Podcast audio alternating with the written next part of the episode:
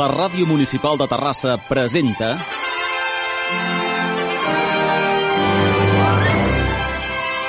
Teatre radiofònic. Amb la companyia de radioteatre de la 95.2 Ràdio.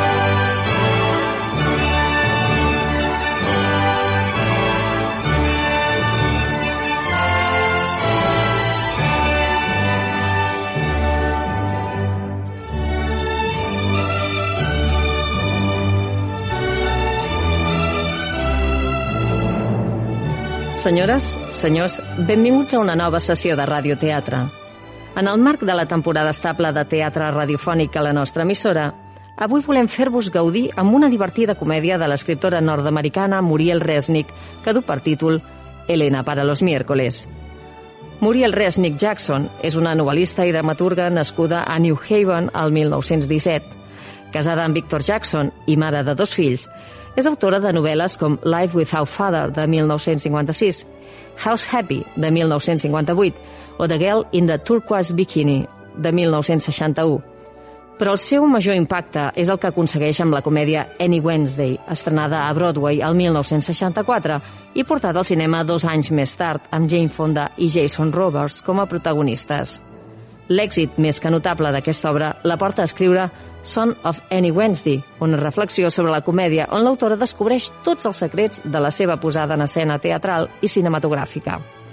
Anys més tard, el 1992, Resnick publica una nova novel·la negra sota el títol de The Garden Club.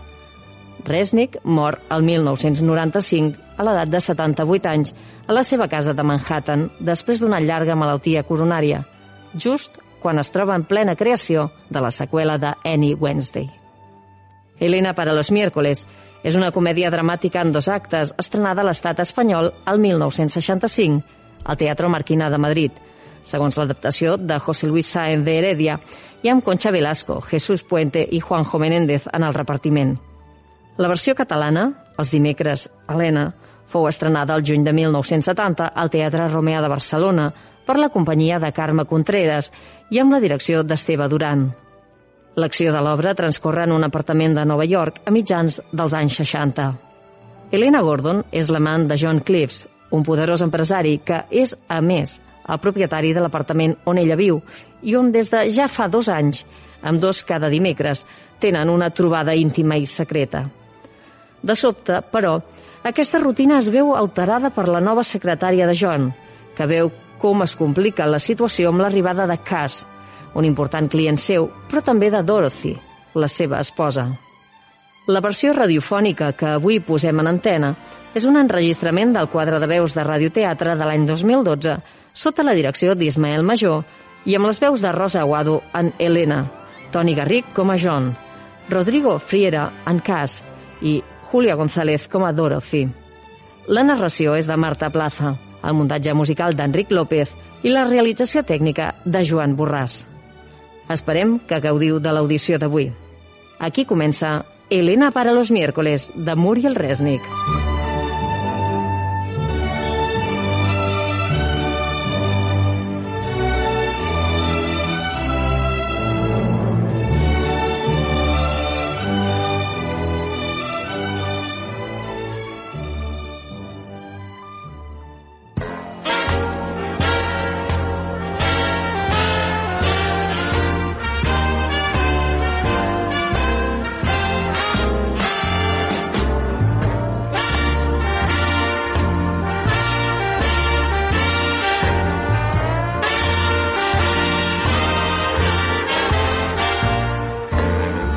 En la década de los 60, la sociedad norteamericana era una sociedad feliz. Feliz por haber ganado una guerra. Feliz por ser una potencia económica mundial. Feliz por ser una potencia militar. Feliz por muchas otras causas. Y en este estado de felicidad nos encontramos a nuestra pareja de amantes. Él, al que llamaremos John, está casado, pero no con ella, a la que llamaremos Elena. Y Elena está soltera y es artista. Es un jueves de julio. Es mediodía. y ambos tienen un nidito de amor en un apartamento alegre y confortable. Un amplio ventanal pone el cuarto de estar en comunicación con un pequeño jardín por medio de un par de escalones. Un dormitorio, el cuarto de estar y la cocina completan este pequeño nido de amor. El mobiliario, de buen gusto y alegre, es informal y junto a la puerta de la calle tenemos una cheslong y frente a ella una pequeña mesa auxiliar.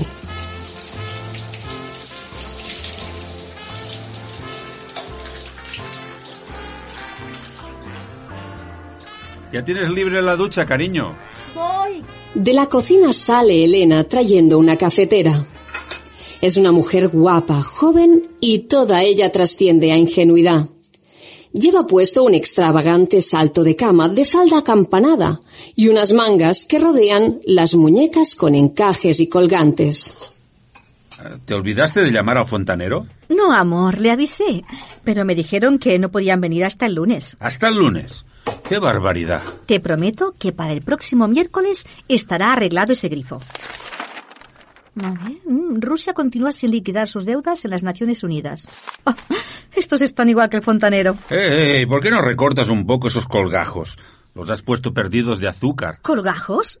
¡Qué gracioso! Esta bata me la compraste precisamente porque te hacían gracia las mangas. ¿Ah, sí? Bueno, pues la próxima vez te los compraré desmangada. Pero es que no son bonitas. Solo porque las llevas tú. Gracias. Hombre, aquí viene una foto de tu mujer. La señora de John Klebs que presidió el baile benéfico. París en primavera. Ah, sí, siempre está presidiendo tonterías de esas. Menos mal que me ayuda a deducir algo de mis impuestos. Sí, amor, sí. ¿Es tan injusto eso de que de cada 10 dólares tengas que devolver 9 al fisco? 9.20. ¡Qué horror! Es terrible pensar que cuando ganas 100.000 tienes que dar a esos señores... Eh, ¿90 y cuántos? ¿90.000? no es exactamente tanto. Bueno, en fin, se defiende algo con habilidades. Mm, Sí, claro. Es justo que te defiendas con habilidades. Ah, Parece como si te disgustara. No, lo que me entristece es que yo sea una de tus habilidades. Te he dicho mil veces que este apartamento no entra en el juego. Es tuyo. ¿Qué va? Lo era antes de conocerte. Yo pagaba mi alquiler y era mío. Pero desde que lo compraste tú, en nombre de tu compañía, para alojar en él a clientes de paso y visitantes Eh, ilustres. sabes muy bien que nunca lo hemos utilizado para eso. No es más que un truco para pagar menos impuestos. Si ellos nos ponen cepos por todas partes, de algún modo hay que ingeniárselas para saltárselos. Sí, claro. Pero a mí me entristece pensar que cada vez que nos reunimos, lo que hacemos es saltar un cepo.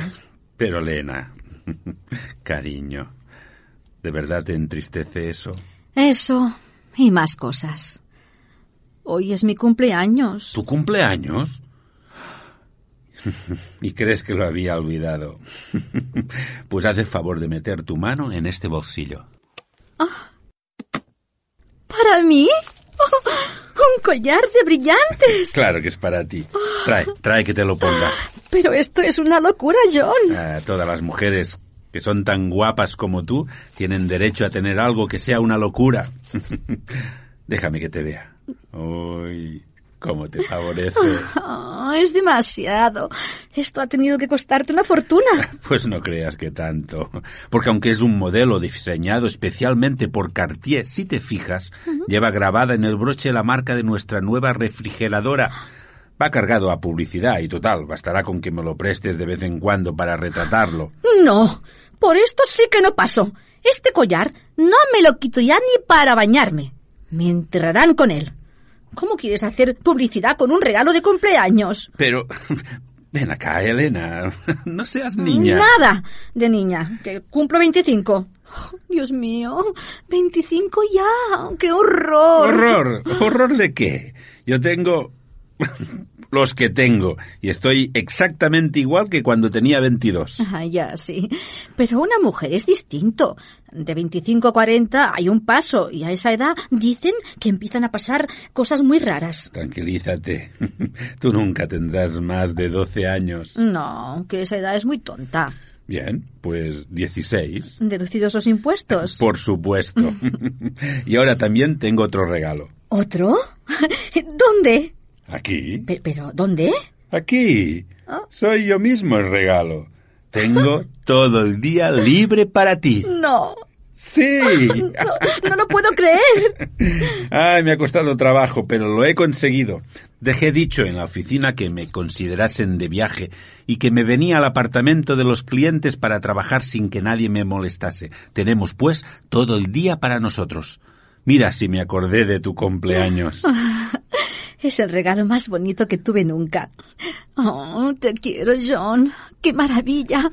Nunca te tuve un día entero. Siempre me tuve que conformar con un pedazo de cada miércoles. Pues hoy también el jueves para nosotros. ¿Qué vamos a hacer con él? ¿Qué qué? Pues ser como todo el mundo, salir alguna vez de aquí y divertirnos juntos en otro sitio. Eh, ¿Por ejemplo? En el parque de atracciones. Ah, ah, ¿te gusta eso? ¿A ti no? No. Yo es que me mareo en todos esos, esos chismes. Pero es tu día, ¿eh? Y vamos donde quieras. Ah, No, no. Podemos ir a mil sitios. Ah, al Museo de Arte Moderno sin ir más lejos. Ah, pues ya ves, no me importaría ir un poco más lejos. Soy miembro del patronato y me conocen mucho. Ah, ya. Bueno, pues podemos irnos a comer al zoológico. Cariño. Ah, No miras a decir que eres director del zoológico. no, claro que no. Pero el restaurante zoológico está lleno de gente y tú sabes que desde el artículo aquel del Times sobre mí me reconocen hasta las ratas. Querrás decir hasta los tigres. Bueno, pues nada, nos quedamos aquí. ¿Qué falta hace ir a ningún sitio? Lo importante es tener nada menos que un día entero para nosotros. Ah, John, eres el amante más maravilloso que, que puede soñar una mujer. Pues sí, realmente soy otra joya. Y para conmemorar esta ocasión, yo también me voy a hacer un regalito. Me voy a regalar a Sam, ¿Quién es Sam? el cemental más extraordinario del hipódromo y del siglo. Me lo venden a 850 mil dólares. Pero quizá ese Peter Mitchell me lo consiga más barato. Lo compraré y le pondré de nombre Ellen. ¿Vas a poner mi nombre a un semental?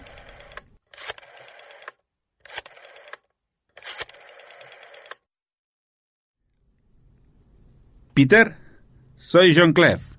¿Qué pasa con el caballo? ¿Que están ofreciendo un millón? Ah. No, no digas tonterías. ¿Ah, sí? Pues que se lo guarden. ¿Te vas a quedar sin Ellen? Me lo estoy temiendo. Ah, Y pensar que tengo cien yeguas preciosas en Kentucky esperando como locas a ese galán. Ah, vaya por Dios. Bueno, no te preocupes. De esto ni nada va a conseguir estropearnos el día. Tuve pensando lo que hacemos mientras yo llamo a la oficina. He tomado una nueva secretaria que me parece más bien tonta y no voy a ser que... Pues ya sé lo que vamos a hacer. Te voy a pintar. Siempre he tenido la ilusión de hacerte el retrato, pero nunca he tenido tanto tiempo. Hoy lo haré a carboncillo y durante la semana le daré el color. Vas a tener un retrato, un regalo bastante más bonito que el de Sam. Me temo que mis yeguas no opinen lo mismo. Oiga. Sí, soy el señor Clef. Póngame con Miss Lindley. Y prepararé el almuerzo en la terraza. Sí, amor. ¿Miss Lindley? No, no, no, no estoy en Cleveland. No, tampoco en el aeropuerto. Señorita, estoy como le dije, en el apartamento. ¿Con qué citas? Le dije que no me tomara citas para hoy. El jueves, eso. ¿Y qué es hoy si no jueves? Pero no el próximo, este jueves. ¿Cómo ha podido equivocarse así? Bueno, pues nada, dígale que vuelva mañana. ¿Eh? ¿Que se marcha a la Arabia Saudita? Ah, Vaya hombre. ¿Cómo? ¿Que también estoy citado con el embajador inglés? ¿Y con el fiscal de distrito? ¿Y, y las entradas del teatro de mi mujer? Pero, ¿Pero en qué semana tiene usted la cabeza? Llame enseguida a mi mujer. Ah, ¿no está en casa? Vaya, hombre. Mire, señorita Dinsley, si quiere hacer algo por mí verdaderamente útil, cruce sus manos, una sobre otra, en su regazo. Y no las despegue para nada hasta que yo llegue. Vas a ver qué almuerzo te preparo. Ah, encanto. Ah, ¿Crees que no guiso bien? Ah, sí, amor, estoy seguro. Pero es que este monstruo de mi secretaria me ha citado con un imbécil que se va hoy a la Arabia Saudita y me está esperando en la oficina. Vaya. Bueno, pues no importa.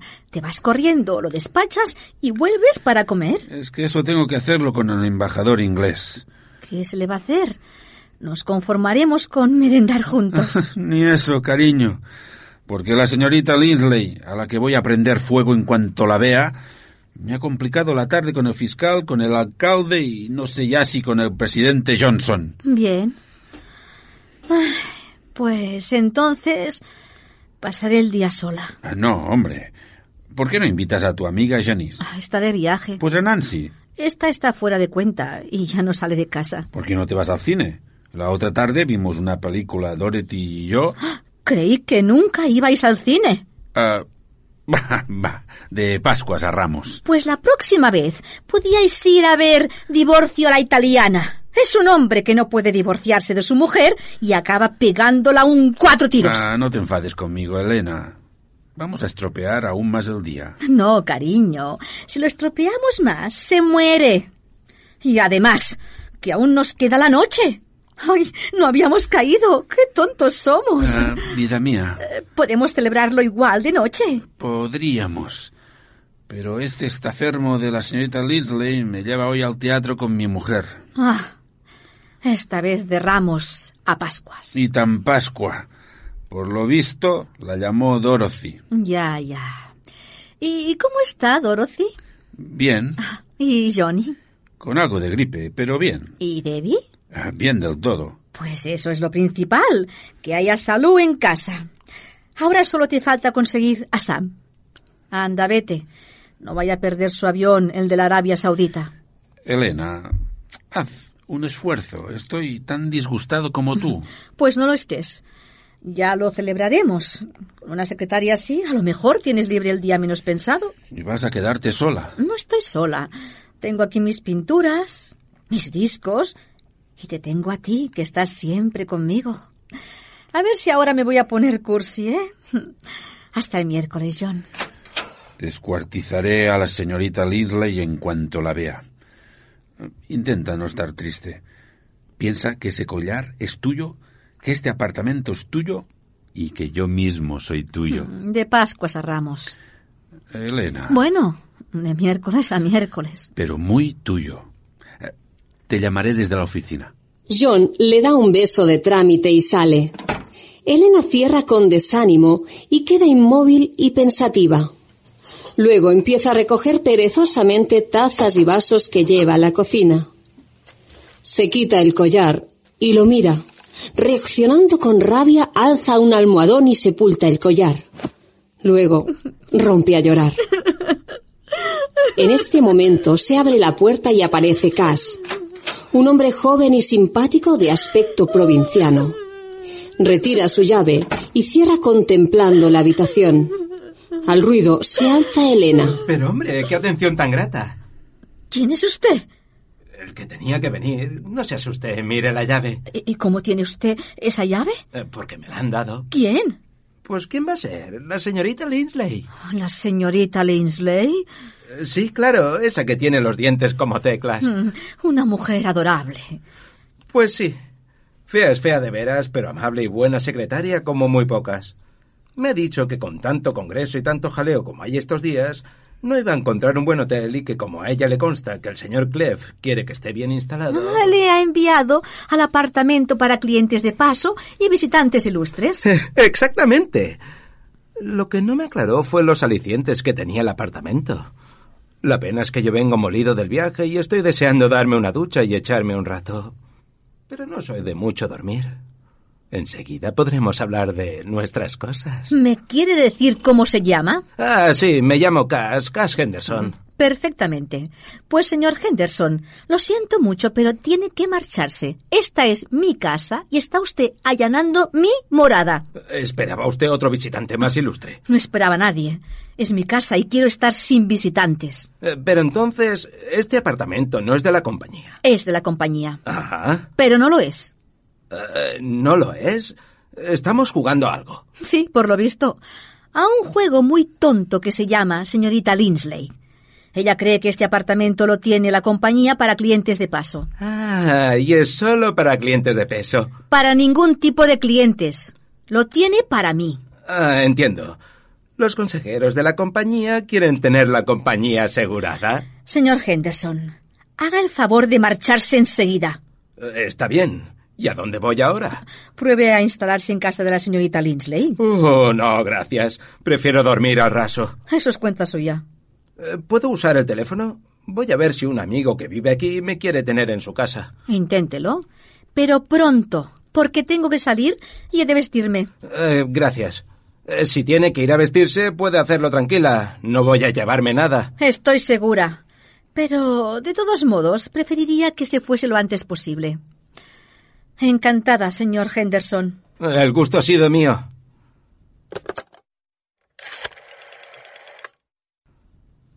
¿Operadora? Con el 253-2311 de Ohio y cárguelo al E RE 4-7098. Sí, espero. Eh, ¿Betty? Eh, sí, sí, soy yo. Ponme enseguida con mi hermano. Eh, Jorge, hola. Te llamo desde el apartamento para visitantes ilustres de la compañía Cleves. Eh, eh, sí. Ha sido todo un poco raro, pero estoy en él. No, Cleves no está aquí, pero hay algo que me parece que le afecta muy directamente.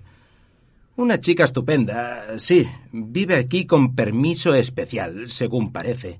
Creo que hemos tenido suerte porque a esto se le puede sacar partido. Eh, sí, sí. Es seguro que él vendrá por aquí y si consigo quedarme no tendrá más remedio que escucharme. Eh, no, porque es que esta chica quiere que me vaya.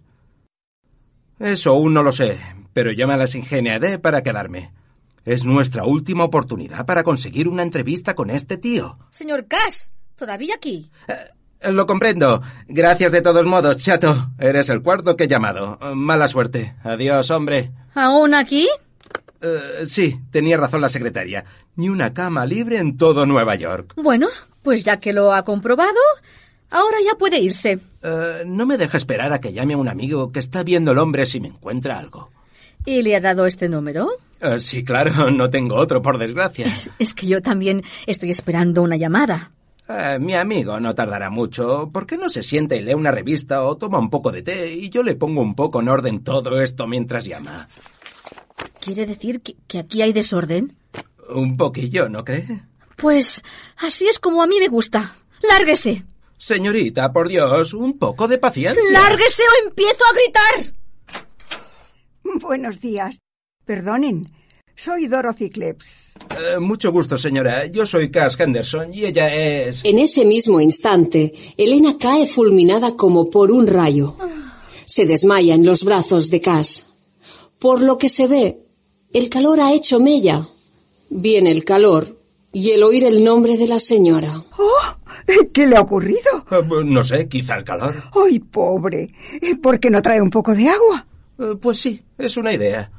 Siento haber llegado tan inoportunamente, pero la señorita Linsley no me advirtió que estaban ustedes aquí. Eh, pues fue precisamente ella quien me envió. Sería después de hablar conmigo. Mm, Seguramente. Oh, tiene usted una mujer ¿Eh, guapísima. ¿Quién yo? Ah, sí, sí, ya lo creo. Pero delicaducha. Oh, con este calor. Y si a lo mejor espera algo. Esperar, eh, no creo. Al menos que yo sepa. Ay, parece que ya vuelve. ¿Qué? ¿Se encuentra mejor? Toma, beba un poco más. Pues eh, yo he venido porque quería pillar a John antes de que se fuera. ¡Uf! Mire, otra vez. Vamos a ver si poniéndola cómoda, refrescándole un poco las sienes y... ¿Ha visto ya a mi marido? Eh, no, señora. Aún no he tenido el gusto. Pues debe haber salido de aquí hace muy poco. Ay, yo que usted le daría casi, casi cierto que es un embarazo. ¿Sí? Ah, pues nada, lo doy. Yo es que he venido porque la semana pasada vi un abrigo en mi peletero, que es una locura. Y desde entonces me tiene sin sueño. Es carísimo. Pero esta mañana ya no pude más y me dije, Maximiliano me lo rebajará porque estamos en julio. ¿Y quién compra un abrigo de bisón en julio? Naturalmente, alguna perturbada. Eh, bu- Bueno, quiero decir. Sí, sí, una perturbada. Es que a mí el bisón me vuelve loca. Es tan dulce, tan acariciador. Ah, sí, debe serlo. Ay, mira, cada uno tiene sus chifladuras. Bueno, total que como mi marido se fue el miércoles a Chicago, ¿o no? Este miércoles creo que fue a Cleveland. Sí, a Chicago fue el anterior. Bueno, es lo mismo. El caso es que como él de sus viajes va directamente a la oficina y yo he conseguido que Maximiliano una rebaja en el abrigo y que, que le dejé una señal a cuenta, vamos. Y me fui a pedirle a John el resto para no perder ni el abrigo ni la señal. Muy bien enfocado. Y ha sido su nueva secretaria quien me ha dicho que se había venido a trabajar aquí, al apartamento de los visitantes ilustres. ¿Quiere usted creer que yo no tenía ni idea de que existía este apartamento? es que las esposas sabemos mucho menos que las secretarias. Sí, así es a veces, sí, señora. Sí, esa secretaria parece listeja. Ay, vamos, ya se encuentra mejor, señorita. ¿Qué remedio queda? Le decía a su marido que yo no conocía este apartamento ni a lo que estaba dedicado. No, ¿verdad? No. Y tengo que confesar que lo encuentro espantoso y de un mal gusto horrible. Seguramente habrá costado una fortuna. Yo por el mismo dinero le habría sacado mucho más partido. Y por supuesto lo tendría más ordenado. Ay, quien le gusta el desorden. Permítame. Es que una cosa es el desorden y otra el abandono. Esto está de un sucio que da vergüenza. Pero otra vez, cariño. Vaya por Dios. Vamos, señora Henderson. ¿Qué le ocurre? Oiga, es primeriza. Eh, sí, sí, lo es, lo es. ¿Por qué no mira si hay un poco de café? Ah, sí, ahora mismo.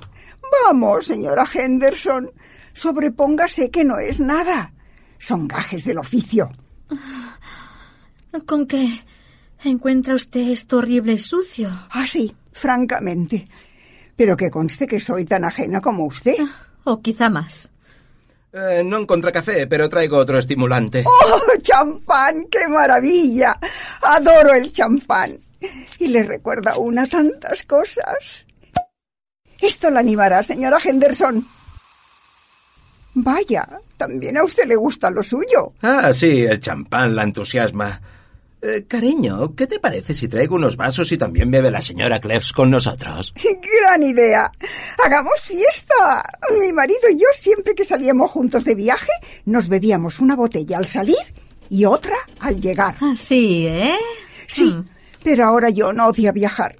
Lo hace una vez a la semana por sus negocios, pero cada vez de peor humor. Le carga, ¿no? Mucho. Cuando llega el miércoles se pone de un humor de perros. Naturalmente. Si es que como en la casa de uno... Dígame. Diga. Diga. ¿Quién es? No contesta nadie, solo se eh, oyen como gruñidos. Bueno, pues por el matrimonio Henderson y lo que venga. Por nuestros anfitriones, los señores de Cleves. ¿Diga? Ah, hola, Gisela. No, no, nadie. Eh, No puedo imaginar quién habrá sido. Oye, Gisela, estaba a punto de entrar en el baño. Si no te importa, te llamaré luego. ¿Mm? Querida, no bebas tan deprisa. Bebo como me da la gana. Una cosa es estimularse y otra... Y otra meterse en lo que a uno no le importa. Bueno, no peleen. Soy yo la que está aquí importunando. Y me voy. No quiero retrasar su baño, señora Henderson. Oh, no se vaya, señora Cleves. A- ¡Ay! Elena, que ya está desesperada, le pega una patada en la espinilla a Cass, aprovechando que Dorothy se ha dado la vuelta para dejar un vaso. Ay, es que no tengo más remedio. Cuando vengo del pueblo, como yo digo, aprovecho para hacer un montón de cosas. Bueno, ha sido un placer conocerles, tan jóvenes los dos, con toda la vida por delante, porque usted es una niña. Hoy he debido envejecer lo mío. ¿Por qué? Ah, claro, sí, he visto la tarta con la vela. ¿Es su cumpleaños? Sí, hoy es mi día. Ah, pues muchas felicidades, querida. ¿Y a usted también? Muchas gracias, señora Klebs. Y como regalo quiero decirles algo que una mujer muy sensata me dijo el día que me casé. Dorothy, nunca, nunca te vayas a dormir enfadada con tu marido. Y así ha sido. He tenido con John, como todo el mundo, discusiones y disgustillos, pero nunca... ¿Diga? Y nuestro matrimonio es un matrimonio feliz. Ay, qué pesadita estás, Gisela. ¿No te he dicho que me iba a dar un baño? No, claro. ¿Cómo voy a dármelo si llamas cada minuto y medio? Ya te he dicho que te llamaré yo. Bueno, ahora sí que me voy volando. Pero antes me gustaría ver más alegre este cumpleaños. Si ha habido algún disgustillo, échenlo fuera con un gran abrazo. Y yo, por mi parte, ahora mismo se lo doy. Vamos, señora Henderson, hágalo por mí. Venga, cariño, no has oído a la señora Cleves que no debes meterte en la cama disgustada. Démonos un abrazo. Hay tiempo. Yo acabo de levantarme. Te pillé. Anda, cielo, volvamos a ser amigos. Abrázame. Ahora me voy más contenta. Y yo también me quedo mucho mejor. Tengo que volver por aquí a arreglar todo esto. Y esta pretensión de jardín, oh, también es una facha. Pues yo lo encuentro bien bonito. No diga, por Dios. ¿A quién se le ocurre poner hierba en esta ciudad? A mí. Eh, se me hubiera ocurrido. Vamos, señora Henderson, no debe usted beber champán por las mañanas. Mañana mandaré un hombre para que ponga losas. Eso es lo que le va. Eh, eh, claro, nenita, si tú de esto no entiendes, eres de pueblo. Pero encantadora. ¿Le gustaría cenar esta noche con nosotros? Nos haría felices. ¿Por qué les vas a hacer cambiar el plan a esos señores? No se preocupe, no tenemos ninguno. ¿Y sus entradas para el teatro? La señorita Linsley las anula o va ella con su novio. Eso no es ningún problema. Bueno, pues les vendremos a buscar a las ocho. Podemos ir al pabellón y luego darnos una vuelta por alguna boate. Estupendo. Eso es lo que llamo yo pasarlo bien. Pues decidido. A las ocho estamos aquí. Encantados. Eh, señora Henderson, eh, ¿cómo sabía que teníamos entradas para el teatro? No recuerdo haber hablado de eso. Pues yo lo he oído. pues lo habré dicho. Habla una tanto. Hasta la noche. Hasta la noche, señora Cleves. ¿Cómo sabía lo de las entradas? Ella no dijo nada. ¿A usted qué le importa? Coja su maleta y lárguese de una vez. Más dulzura, cariño, que hemos hecho las paces. Recuerde que soy su maridito. Diga. Eh, Sí, aquí es ese número. Espera a ver. Está por ahí una tal Gisela. Ay, Deme el teléfono. ¿Sí? Claro que puedo explicar, pero no ahora. Ha sido una mañana de bigote. Eh, ¿Conoce a la señorita Linsley, la secretaria del señor Klebs? Pues ella fue la que lo mandó aquí porque suponía que no iba a encontrar hotel. Alguien debía de soltarle un par de tacos gordos a ese esperpento. ¿Lleva mucho tiempo viviendo aquí? ¿Quiere hacer el favor de dejar esa tarta, que es tan mía como este apartamento, y marcharse antes de que le dé con algo? Eh, me iré en cuanto me llamen. ¿Estás seguro de que lo van a llamar? Eh, tan seguro como de que a las ocho vienen a buscarnos los Klebs. Ah, ¿piensa usted ir a esa cena? Naturalmente. Pero usted puede no hacerlo si no tiene ganas. Como está embarazada... Este es para mí. Eh, Diga. Ah, hola Gisela. ¿Qué tal? Es para usted. ¿Qué hay? Porque está esperando una llamada de otro pelma. ¿Has hablado con ese robot? Entonces ella te habrá contado todo. Pues sí, ahora estamos solos, pero hemos tenido compañía. ¿No te ha dicho la señorita Linsley que también mandó aquí a la señora Klebs? ¿Eh? ¿Oye? ¿Oye? ¿Oye? Eh, Simpática la señora Klebs, ¿verdad? Insoportable. y tan metijona como usted. Hablar así del piso. Es mío. ¿Por qué tiene que decir que es espantoso y de mal gusto? Durante años he estado buscando todas esas cosas en los anticuarios y en las subastas. Ah, esto es obra de años. Sí, como el Partenón. ¡Ay! ¡Uy, uy, uy, uy, uy, uy, uy, uy, uy! Elena, que le ha dado un puntapié a la papelera con todas sus fuerzas, esta vez se ha hecho un daño espantoso. Sale quejándose ostensiblemente y a la pata coja llega hasta un sillón donde se deja caer. Cass intenta solícitamente ayudar. ¿Se ha hecho daño? No, no es nada. Se ha dado en el gordo, seguro. Ese que parece tan fuerte y luego... Claro que usted le ha dado contra el Partenón. Eh, ¿Tiene alcohol? Ah, no. Mm, Qué pena. A mí mi madre me aliviaba en estos casos dándome un besito en la herida. ¿Quiere que lo intente? Eh, Pues sí. Telefonía a su madre que venga y déjeme en paz. Eh, No le conviene andar. Eh, Venga, verá. Échese aquí. ¡Oh, ¡Qué barbaridad! Oiga, este collar es una joya. Deje eso. Esto es una birria que no vale nada. Una birria. Sí, que no vale ni para hacer feliz a la más infeliz. Oiga, ¿es usted casado? Eh, ¿Quién, yo? ¿Hay alguien más aquí? Eh, no, claro, pues no, no estoy casado. ¿Quiere hacerlo conmigo? ¿Con usted? Sí, conmigo. ¿Le gusto? Ya lo creo. Pues ya está. ¿Quiere que nos casemos? Eh, un momento, un momento. Vamos por partes. No, no, no, por partes nada. ¿Quiere casarse del todo? No será mucho. ¿Por qué? ¿Está comprometido? No, ¿Tiene novia? tampoco, ahora estoy libre. Pues entonces, ¿qué piensa? ¿Cómo que qué pienso? Es que un hombre formal puede decir sí a la primera proposición. Tiene que consultarlo con la almohada. Eh, no, no, la almohada seguro que dice que sí. Pues, ¿qué otra cosa puede hacerle dudar? Soy muy buena ama de casa. Sé guisar, lavar y planchar.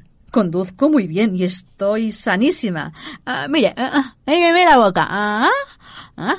Así se ve la salud. Ni un diente pocho, ni una muela picada. Oiga, pues esta de la izquierda... Está como nunca. Escuche. Y sé coser y hacerme mis vestidos. Y soy maestra. De escuela. De escuela, sí, señor. Ah, me adoraban los niños. Y yo a ellos. Si usted tiene algún niño, le aseguro que me adorará. Pues no, que yo sepa no tengo ninguno. Ah, pues conmigo los tendrá. Y muchos. Eche el freno, que salen carísimos. Ay, ¿qué importa? Yo también sé trabajar y ganarme dinero. He publicado libros para niños. Mire, este es el último. ¿Mm? El año pasado aún saqué seis mil dólares de derechos. Esmeralda y el conejo Pinky. Texto y dibujos de Elena Gordon. Es usted una caja de sorpresas. Pues sí, señor. Conmigo no se aburrirá nunca. ¿Qué? ¿Se decide? Eh, ¿Puedo pensarlo un poco? No, no, no, no tengo tiempo. Acabo de cumplir ya 25. Ay, esto no se lo hubiera confesado yo ni a mi madre, pero usted tendrá que ver mis papeles. Eso es lo de menos. No representa usted ni 24, pero reconozca que... que sabemos el uno del otro. Yo a usted le acepto sin informes y los míos se los doy en dos minutos. Todas mis amistades dicen que tengo un carácter tranquilo y dulce. Soy afectiva y muy constante.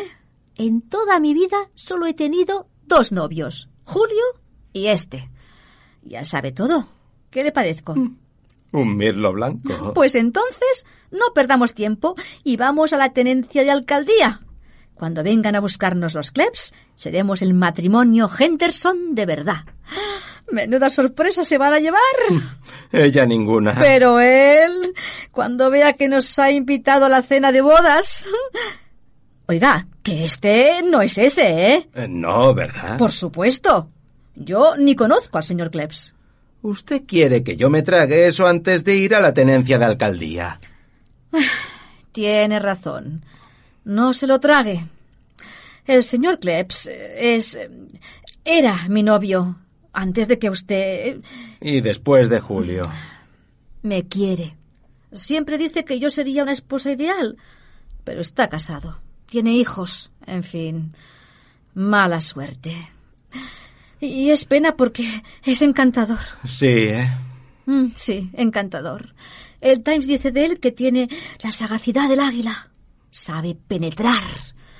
A mí me cautivó con globos. ¿Con globos cautivos? No, con globos corrientes, de colores. Ay, durante más de un año yo no quería ver nada con él, porque estaba casado. Tuve una hepatitis y vino a verme al sanatorio todos los días. Me leía libros, hablábamos de todo, y yo dije una vez que me encantaría tener una habitación llena de globos, de muchos globos de todos los colores. Oh, ¿Y sabe qué pasó? Que el día que me dieron el alta, él me fue a buscar y cuando entré aquí, oh, toda la casa estaba llena de globos, pero llena desde el suelo hasta el techo, cientos de globos. Y usted se emocionó. Oh, sí, confieso que me faltó el aire. Sí, claro, lo tenía en los globos. Ay, soy afectiva. Y los detalles me conmueven. Ah, lo comprendo. Y está todavía enamorada. No, no, no. Todo eso ya es historia. Desde ahora dedicaré mi vida a hacerle feliz a usted. Ay, a ti. Y, y no debes tener celos ni malos pensamientos. Recordaré siempre al señor Klebs con cariño. Pero nada más. Sí, claro, lo pasado, pasado. Así será. Llegarás a quererme, ya lo verás. Y yo estaré tan feliz por no estar siempre sola. Sabes, Elena, que me estás gustando de verdad. ¿Por fuera o por dentro? En todo el territorio. Así tiene que ser. Se va a quedar todo el mundo patidifuso. La primera, mi madre. ¿Vive aquí? No, vive en Waterbury. Esta casa será solo para ti y para mí y la vamos a llenar de niños, de muchos niños. Y ahora mismo. Anda, anda, Cas, vamos. ¿Como ahora? Bueno, pero de uno en uno. ¿Quieres ver cómo era yo de niña? Mira. Sí, sí, sí, sí. Así te das una idea del tipo de fabricación. Tengo un álbum lleno de fotos. Eh, Pero guardas los globos en los armarios. No. Ah, Ha sido él por mi cumpleaños. Oh, me quiere. Oh, Dios santo. Se ha levantado a medianoche y los ha inflado uno por uno. ¿No es maravilloso? ¿El qué? ¿Tener tanto aire? ¿Y yo he tirado su collar? ¿Cómo he podido hacer yo eso? Lo hiciste así. ¿Qué está usted haciendo aquí? ¿A qué espera para marcharse? A que me llame mi amigo. ¿Su amigo? Una de dos. O se ha muerto o no existe. Eh, No, no, vive, pero no existe. Ha sido capaz de engañarme. Ah, pues sí. Pero por un motivo importante. Con que es usted falso, ¿eh? Eh, pues déjame explicarte. Dios mío. Y pensar que si no llega a ser por esos globos, usted sería ahora el padre de mis hijos. No tanto, solo del mayorcito. Pobre hijo mío, un padre así. Escúchame. Yo tengo con mi hermano una fábrica de maquinaria. Hace seis meses Klebs nos la compró. ¿Y qué tiene que ver eso conmigo? Es que nos engañó. Nosotros fabricamos cajones corredizos. ¿Para qué? Para venderlos, ¿para qué va a ser? Él nos compró la fábrica y la cerró para que pueda figurar como pérdida en sus balances. Puede hacerlo. ¿No la compró? Sí, pero no para cerrarla. Mi hermano y yo hemos puesto en esa fábrica todo nuestro trabajo de muchos años. Queremos que siga funcionando, aunque sea por cuenta del señor Krebs. Le hemos escrito, le hemos llamado mil veces. Y nada. Por eso he venido yo, para conseguir verle y ahora que tengo la No oportunidad... entiendo nada de negocios, pero haré lo que pueda por usted. No voy a ir a esa cena, como comprenderá, pero me iré a esa hora al cine y usted recibirá aquí al señor Klebs. Gracias, Elena. Y como este piso va a ser suyo por este tiempo, adecéntelo un poco para cuando vengan. Naturalmente. Ahora va usted a ver cómo lo dejo.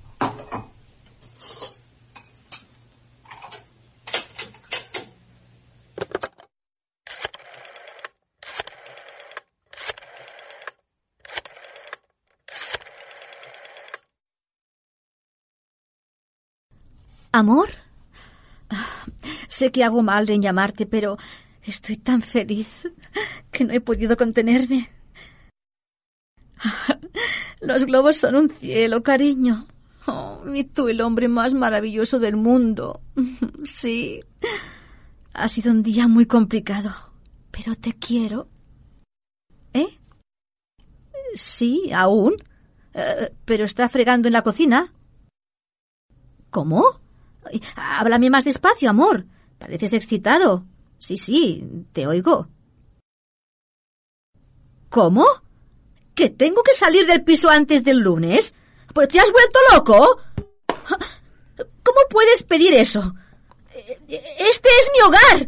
Tú sabes bien lo que significan todas estas cosas para mí.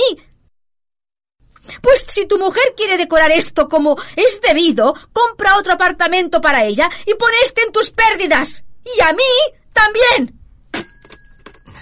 ¿Que un poquito de fútbol? ¿A que no me metes un gol?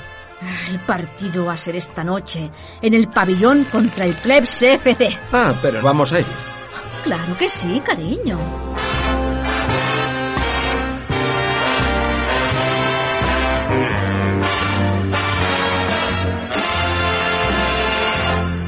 El mismo día de julio, el mismo apartamento. Ya no aprieta tanto el calor. Son las siete y media de la tarde y se aprecia un mayor orden en todo, ya que los globos han sido recogidos.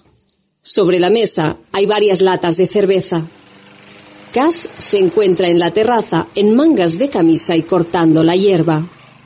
Al poco, entra Elena en albornoz y gorro de baño. Ah, ya estoy lista. Tienes el baño libre. Hace calor de verdad, ¿eh? Eh, No me has dicho que ya estabas lista. Y lo estoy. Nada más vestirme. Lo que estás es nerviosa. Ah, se me nota. Un poco te bailan las manos. Si solo fueran las manos. Tú, en cambio, estás demasiado tranquilo. Arréglate, por favor, que deben estar al llegar. Aún falta un poco y yo estoy listo en un segundo. Que me bailan las manos. ¿Cómo no me van a bailar si todos los lóbulos rojos se me han vuelto negros? Elena, Señor Klebs, eh, ¿cómo viene usted solo? eh, no andes con bromas, Elena. Me he quedado de piedra cuando Dorothy me ha dicho que íbamos a cenar juntos. Me figuro que tendrás el suficiente sentido para no ir. Iré a la cena. De donde no me voy ni a tiros, es de este piso. Cariño, pero, pero si esto es una bobada sin importancia. Te vas unos días a un buen hotel como si fueras de vacaciones y en cuanto ella termine con esto te vuelves y Santas Eh. Pascuas. Eso, cuando ella termine con esto, con lo mío, cuando no deje aquí ni la hierba, porque sabrás que quiere arrasar todo esto como Atila. Pero ¿y qué? Dos hombres la quitan y otros dos la vuelven a poner cuando tú quieras. He dicho que no. Pero ni que estos tres palmos de hierba fueran todo en la vida. Me parece que hay cosas bastante más importantes. Ya lo creo. Tu tranquilidad, ¿verdad? Pues para mí es más importante la más pequeña de estas hierbas que, que he sembrado yo. Y ese sillón. Y este cuadro pintado por mí. Tú no lo entiendes, claro. La que no la entiende eres tú, cariño. Nadie trata de desvalijarte. Yo te mando uno de nuestros camiones y unos hombres que cogerán todo con mucho cuidado y se lo llevarán bien embalado a uno de nuestros almacenes. En cuando Dorothy haya terminado su reforma, mandaré otros hombres con otro camión que se llevarán aquello y volverán a traer esto. ¿Qué dificultad tiene la cosa? Ah, ¡Qué barbaridad! Esta mudanza tenía que hacerla Lomos, la burra de mi secretaria. ¿Te parece a ti muy sencillo eso de que aquí vengan camiones y hombres como si esto fuera Guadalcanal? Pues sí que tenéis unos camiones como para pasar desapercibidos, de diez toneladas y pintados de rojo. Eh, eh, ¿Quieres decirme para qué te has puesto ese vestido? Para no ir al pabellón en Albornoz. Elena, me molestan las bromas pesadas. Pues No es ninguna broma. Algo tengo que hacer para reanimarme. Voy a quedarme sin casa y sin hogar el día de mi cumpleaños. No vas a quedarte sin nada. Va a ser todo una pura pamema. Eh, ah, perdón, con permiso. Voy a sacar una camisa. Creo que ustedes no se conocen. Cass Henderson, John Klebs. Encantado, mucho gusto. Vamos, Cass, date prisa y mira a ver si puedes cerrarme esta cremallera. Eh, Sí, claro, trae. Yo estoy en dos minutos. Pero, pero ¿qué hace aquí este individuo? Subir la cremallera a su mujer. Pasó aquí toda la tarde. Toda.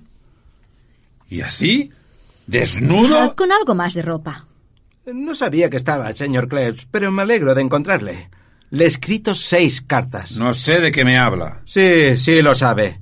Tengo aquí los acuses de recibo. Eh, No los llevo encima. Cas, Eh, por favor, luego habláis de eso. Vamos al dormitorio. Llévatele por la puerta de la calle. Tiene que vestirse, ¿no? Seguiremos hablando, señor Klebs. ¿De modo que te has pasado todo el día mano a mano con este tipo? De mano a mano, nada. ¿Pero qué hace aquí este nudista? Es mi marido y me está protegiendo de tu mujer. Ah, eh, por cierto, ¿dónde está Dorothy? Debe estar ya al caer. Eh, Escúchame, Elena. Sé que estás enfadada y quizá no te falten motivos, pero piensa que de esta situación no puede salir nada bueno para nosotros. Ah, ¿Y soy yo quien ha provocado? No, pero quieres complicarla. Hazme caso, cariño, y te prometo que todo volverá a ser como antes. Es inútil, John. Todo esto son crujidos de derrumbamiento. Que no, amor. Que sí, cielo. Ah, mire, aquí están los justificantes de que ha recibido mis seis cartas. ¿Conoce esta firma? Pero otra vez este pelmazo. Pelmazo yo. ¿Y usted que no contesta qué? ¿Me perdonas, John? Elena actúa como si John no existiera. Expresamente y con mucha finura, aparta a este y se dirige al dormitorio. Bueno, pues ya que está usted aquí, le diré que esta tarde he estado viendo su dossier y no hay razón ninguna para que le atienda. Esta fábrica tiene que cerrarse. Claro, para poder justificar pérdidas en sus libros. Mire, ¿verdad? Henderson, cuando yo compro un negocio y los compro por docenas, someto todos sus datos a la consulta del 607. ¿Del 600 qué? Del 607. Un cerebro electrónico que en dos o tres minutos analiza los datos y da una respuesta.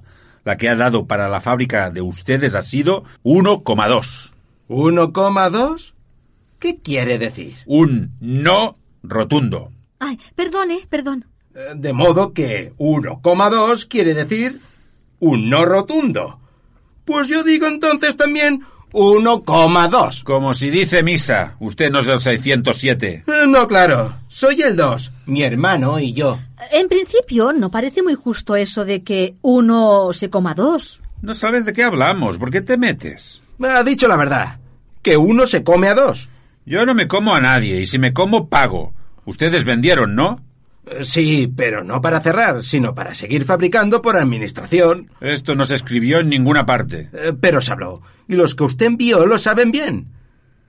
¿Le han dado ustedes al 607 el dato de que mi hermano Jorge tiene cuatro hijas que alimentar y una suegra que siempre está enferma? El 607 no es Caritas. No, ¿verdad? Pues entonces yo le puedo partir la cara al 607. Eh, controles, ¿eh, Henderson?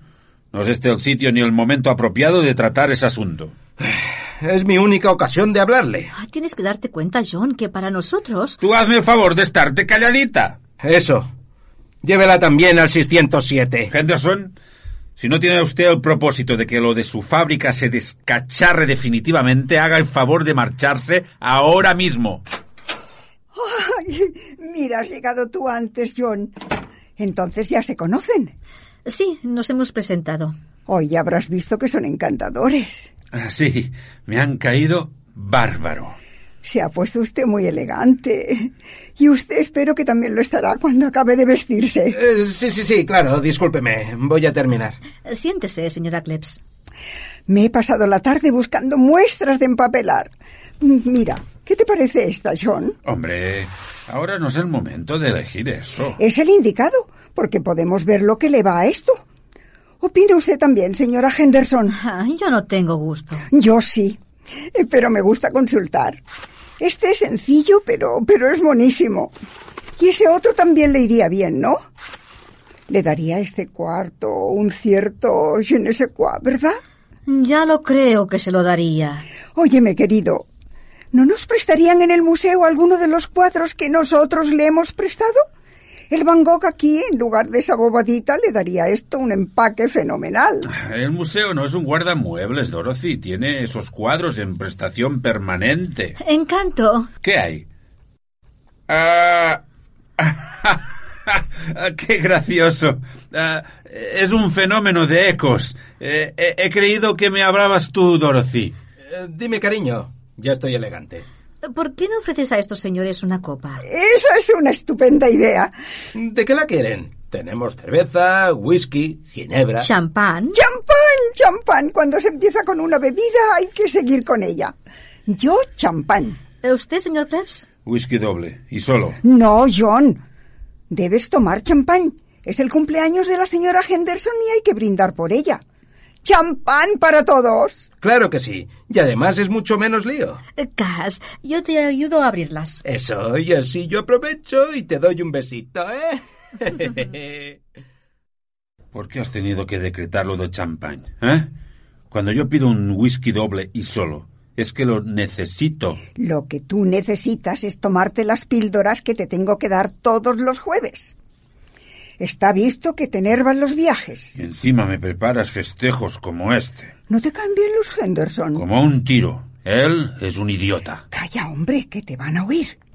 Eh, ¿Me pueden dar un vaso con agua? Eh, sí, ya lo creo. Eh, gracias. No digas, hijo, que son bien amables. Aquí tiene el agua. Es que voy a dar estas píldoras a mi marido. Eh, Ah, vamos. ¿Para la bilis? No, para el surmenage. Es usted estupendo. Tiene de todo. Eh, Toma, John. No, no, no quiero tomar nada. Vamos, son de Bencedriu, que te sientan muy bien. Lo que me sentaría bien es estar cenando tranquilamente en casa. Ay, no te entiendo.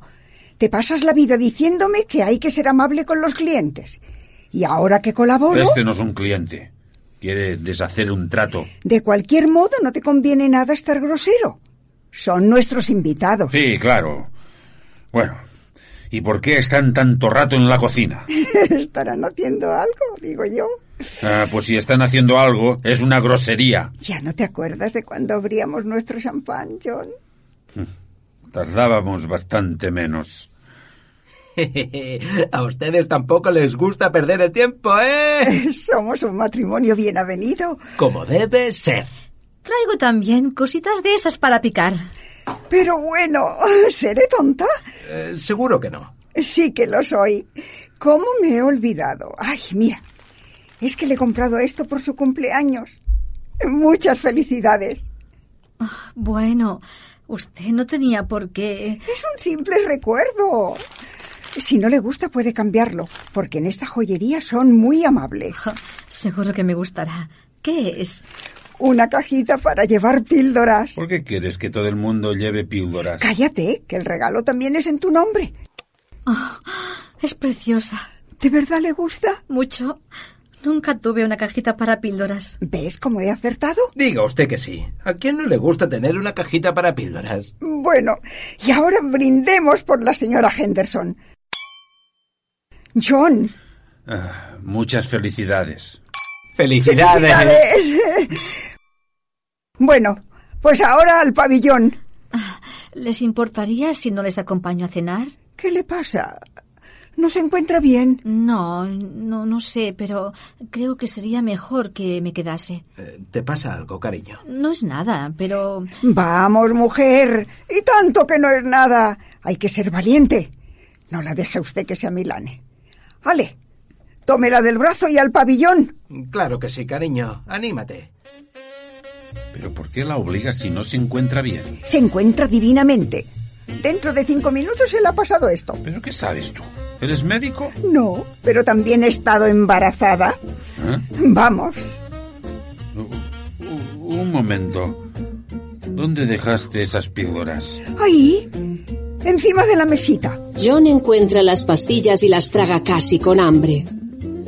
Toma el vaso y empieza a beber mientras Dorothy, cruzada de brazos, golpea el suelo con la punta del pie.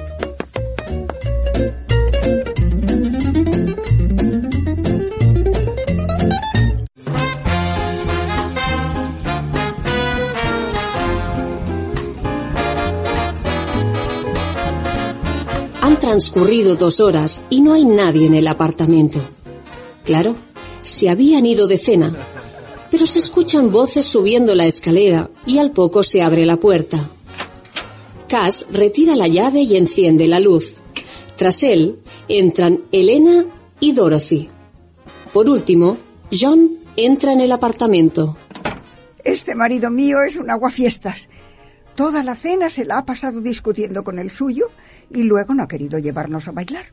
Con lo que a mí me gusta bailar de cuando en cuando. ¿A ustedes no? Ah, no chifla. Pero por nosotros no se lamente, señora Kletz, porque nos hemos pasado bailando aquí toda la tarde. No sabe usted cómo baila Elena. Tampoco usted debe ser mal danzante. Eh, ni bueno ni malo. Bailo al son que me tocan. Yo soy más exigente. Elijo el son. Bueno, Dorothy, si vas a tomar las medidas de eso que querías, hazlo pronto, porque ya es hora de dejar a esos señores. Quería calcular cuántas losas necesitaré para esta terraza. ¿Qué tal se le da a usted la aritmética? Eh, hombre, no soy precisamente el 607, pero creo que puedo ayudarla. Seguramente. Tiene usted cara de entender de todo. Menos de negocios, me engaña cualquiera.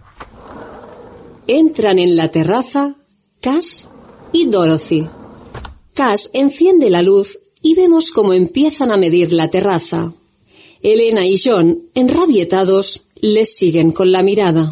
Ese paleto va a conseguir que le dé una torta. Pues tu mujer va a conseguir que te la dé yo a ti.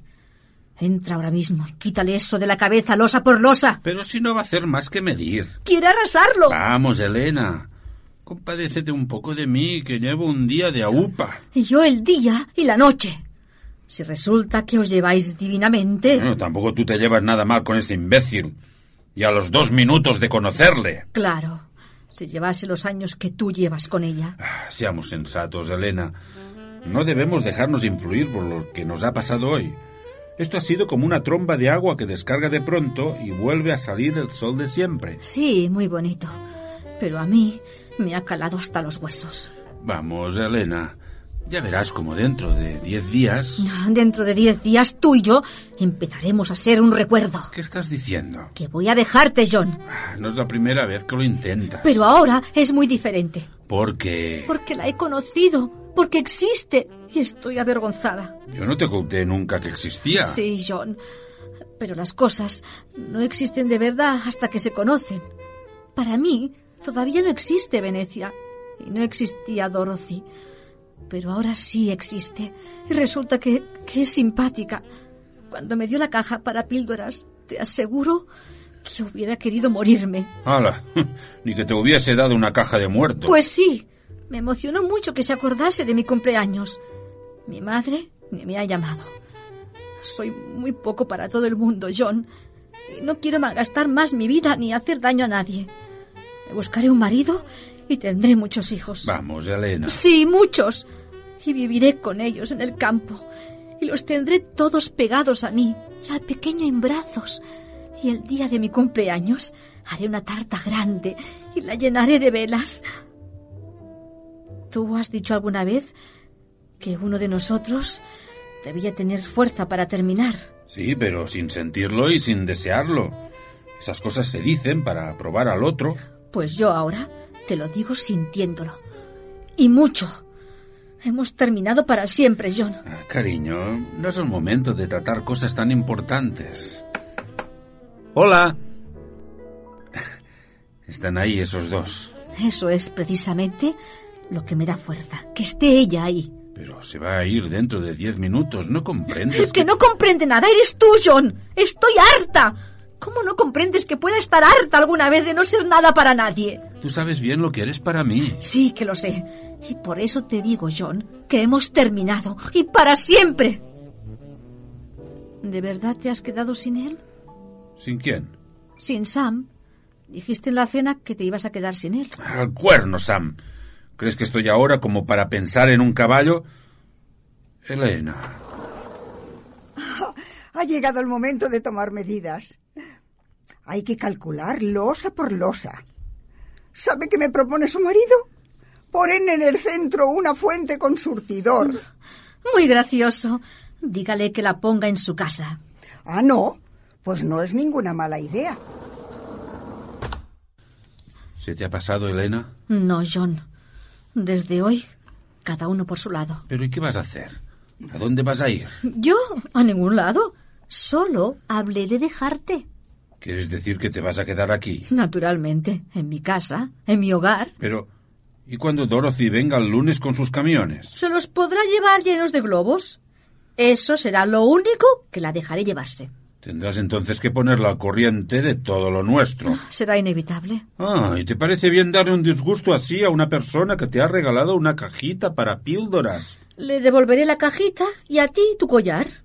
Solo quiero lo mío, este piso y a mi nombre, como estaba antes. Toma, ahí tienes tu collar. Ah, no, no, amor. Este collar es tuyo. Y este piso también. Todavía es propiedad de la compañía Klebs, pero yo la quiero a mi nombre. Se lo compraré con las acciones que tengo de tu compañía. No, no sabes lo que dices. Tus acciones no cubren ni la mitad del precio que figura en los libros. O sea que me pagaste la mitad. Sabes bien que aquello no fue una compra. Las acciones te las regalé porque el piso continúa siendo tuyo. Pues véndemelo por las acciones y así puedes justificar una buena pérdida. Te hago encima un favor. Estás disparatando. ¿Por qué? Siempre me has dicho que era estupendo tener pérdidas. Sí, pero dándole una apariencia legal. Primer inconveniente. ¿De dónde has sacado tú esas acciones? Las he comprado. ¿Con qué dinero? Con el mío. ¿De dónde lo has sacado? De la venta de este apartamento. ¿Lo has vendido y sigues viviendo en él? ¿Por qué? ¿Crees que los del fisco son tontos? Tirarían de la manta y se armaría el revuelo padre. Y ya no sería solo lo del disgusto de Dorothy, sino un descrédito que podía hacerme mucho daño. ¿Ves, amor, como no puedes dejarme? John, eh, ¿cómo se llama el escultor ese que hizo el mausoleo de tu padre? Pues eh, creo que Lippold. Exacto, Lipot. Ese nos hará una fuente preciosa. ¡Hala! Seguir charlando un ratito que nosotros terminamos enseguida. Más le valdría encargarle otro mausoleo. Eso no es de buen gusto, Elena. ¿Y el que ella quite mi hierba y me ponga una fuente si lo es? ¿Por qué no dices de una vez que todo lo de ella te parece mejor y más importante que lo mío? Porque mentiría. Yo a quien quiero es a ti, Elena, lo sabes. Ah, Sí, los miércoles. Y todos los días. El primero que protesta de esta situación soy yo. ¿Qué crees? Cuando te dejo aquí sola y llego a casa, no hay vez que no piense plantear la cosa a Dorothy de cara. Pero cuando paso por el cuarto de los niños y veo a las criaturitas durmiendo tan angelicalmente en sus camitas. Pero, pero tus hijos crecen o se encogen. Cada vez me los pintas más pequeños. Son niños, Elena. Y tú mejor que nadie sabes lo que representa un niño. Por desgracia, solo en teoría. Elena, no me puedo permitir que terminemos. Volveré a hablar contigo esa misma noche. No es necesario. Y además no podrás, es jueves. Sí podré. Diré a Dorothy que tengo que quedarme en la ciudad para trabajar y volveré. No podemos terminar de una forma tan... Bueno, listo del todo. Va a quedar esta terraza como para que la retraten en jardín y hogar. Oh, pero me he puesto perdida de polvo. ¿Quiere lavarse las manos? Iba a pedírselo. Pues venga conmigo. Estará todo un poco desordenado, pero... No se preocupe, sé hacerme cargo. A su mujer le he caído mejor que a usted. Seguramente, porque a mí no me ha podido usted caer peor. Pues lo siento. Pero crea que aún no he agotado todas mis posibilidades de caerle aún peor. ¿Chantaje? Llámelo como quiera. Pero no olvide que he venido para rescatar nuestra fábrica y que puedo hacerle polvo solo con decir a la señora Klebs muy pocas cosas. Meta esto en el 607. ¿Con que además de Pelmar usted un miserable? Le aseguro que hasta hoy no lo he sido. Pero estoy dispuesto a debutar. Se trata de mi fábrica. Ay, pero ¿cuándo van a terminar de hablar de negocios? ¿No les parece que ya han estropeado bastante la noche? Eh, tiene razón, pero todavía podemos componerla. ¿Quieren que saque un poco de coñac? ¡Ay, estupenda idea! A ver si así nos animamos todos. Pues ahora mismo. ¿Por qué has aceptado eso? Yo estoy deseando perder de vista a ese pelmazo. Por compensar, no se puede estar con la gente tan desagradable como tú estás. Esa pobre chica celebra hoy su cumpleaños. Está lejos de su casa, y además debe tener algún problema. Pues razón de más para que nos vayamos. Pues no, señor. Una mujer puede servir de mucho a otra mujer en trances como estos. ¿Cómo cuáles? Como los que plantea el matrimonio cuando el amor empieza a serenarse. De eso vosotros no sabéis ni una palabra. Ah, Perdonen que me haya puesto así, pero me siento más en mi casa. Ha hecho muy bien. Está usted monísima con pantalones. Y además es una prueba de confianza que le agradezco mucho. Eso quiere decir que me considera ya eh, como una amiga, ¿no es así? Sí, sí, así es. Pues entonces, de amiga a amiga, me voy a permitir decirle que la noto desde que la conozco eh, como triste y preocupada. Bueno, todos tenemos preocupaciones. Pero usted es aún muy joven para tenerlas. ¿Puedo ayudarla? ¿A ayudarme? Eh, Pues, eh, y- qué sé yo. Si no se trata de algo muy íntimo, Es algo bien triste. Me voy a separar del hombre a quien quiero. oh, fíjese bien que ha dicho del hombre a quien quiero. O sea, que le quiere. Sí, pero eso es lo de menos. ¿Cómo va a serlo? Eso es fundamental, criatura. Mientras exista el cariño, todo tiene arreglo. Lo demás suelen ser tonterías, discrepancias inevitables que hay que conllevar. Eh, No me gusta que te inmiscuyas en esto, Dorothy. Quiero ser útil al prójimo. Más bien a la prójima. A la amiga, que suena mejor. ¿Cuánto tiempo llevan casados? ¿Dos años? Vamos, querida, esto es solo un segundo en una vida. Es ahora cuando están empezando a conocerse. No, no, no, no me comprende. Déjeme terminar. Vivir con cualquier hombre es difícil. El matrimonio no es... y vivieron felices hasta que la muerte los separó, como dicen en las novelas. El matrimonio debe ser una especie de esgrima de comprensión y de sumisión recíprocas. A mí, por ejemplo, me gustan los colores alegres. Yo los detesta. Pues yo no los llevo. Sumisión. Yo de eso sé más que nadie. Otra cosa. A John le encanta jugar por la noche a esos juegos de diccionarios. ¿Ah, sí? Le encanta. A mí cuando nos casamos me aburría muchísimo. Me adapté y ahora le confieso que la noche que no jugamos lo echo de menos. Eh, ¿A qué dice que juegan por la noche? Ah, pues a los juegos esos de adivinar refranes y personajes. Ah, sí. Eso es divertidísimo. ¿Por qué no organizamos ahora mismo un refrán partido? Yo estoy dispuesta. Pues yo no. Es hora de retirarnos, ¿no? Uno solo, John. Aquel tan bueno de las cerillas que juegan en la película de Marienbad. Ah, pero para eso necesitamos muchas cerillas. En la cocina creo que hay, pero no sé si bastantes. Eso se ve enseguida. Dorothy va hacia la cocina seguida de Cass. Mientras, Elena y John se quedan solos en el cuarto de estar, iniciando una interesante conversación. Vamos a jugar con fuego. Tú has empezado. Te ha faltado bien poco para soltarle todo. Sí, sí. Empezaba a sentirme mejor a medida que me desahogaba. Si tarda un poco más a entrar casi... Pero Elena, Sí. Me da mucha pena lo que estás haciendo con las dos. ahora también por ella. Cariño, tú ocúpate solamente de lo tuyo. No puedo. La estás haciendo daño y parte de la culpa es mía. Diciéndoselo es como sentirá daño. Mientras no lo sepa, no se lo hago. Es una mujer feliz. Y si tú, en vez de entristecerme como lo estás haciendo, sigues haciéndome feliz, yo seguiré siéndolo para ella y ella seguirá tan feliz. Si lo piensas un poco, verás que la estamos favoreciendo. ¿Es posible? Pues claro, cariño. Si yo no te tuviera a ti, lo pagaría con Dorothy. Pues eso tampoco me gusta. ¿Por qué tengo yo que favorecerla? ¿Ves, amor, como estás hecha un lío? Ah, Vendré luego y hablamos. Pero tú haz que se largue el tipo ese. Ay, mira, tenemos cerillas para jugar hasta que amanezca. Ala, sentarse. No, no, no quiero jugar. Pero John, si es tu juego preferido, Pero es muy largo y ya es muy tarde. pues a la cadeneta. Ese es bien corto. Pero si es que hay que irse, Dorothy. Eh, No le haga caso, que de verdad es usted un aguafiestas. ¿Cómo es eso de la cadeneta? Pues muy divertido. Uno empieza y dice una palabra. El siguiente tiene que decir enseguida otra que empiece con la letra que ha terminado la anterior. Y si no lo dice... Se larga. Queda eliminado. Eso he entendido. Bueno, pues colosal. ¿Empiezo yo? Empiezo yo. Montaña. Amanecer. Rabia. Abdomen. Naturalidad. Amor. Eliminada.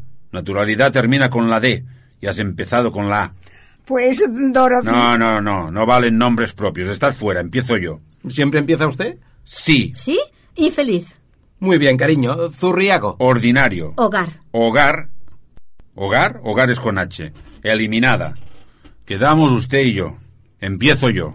Oiga, que alguna vez... Majadero. Opresor. Ridículo. Orangután. Nena. Abofetear. Riñones. Sobran. Basta, basta. Este juego jugado así no es divertido. No, no, claro. Es que esto hay que jugarlo solamente con quien tenga correa. Si usted llama a tener correa, a tener la piel como las marsopas, o a dejarse pisotear como las lombrices, sepa que conmigo, en efecto, no se puede No jugar. me gusta nada que me riñan, ¿sabe? Me lo imagino. Está usted más acostumbrado a tratar a todo el mundo como estas dos infelices. ¿También a usted? Con la tensión en aumento, Cass se da cuenta del error de sus palabras. Se hace un pequeño silencio entre los cuatro y John mira con dureza a Cass.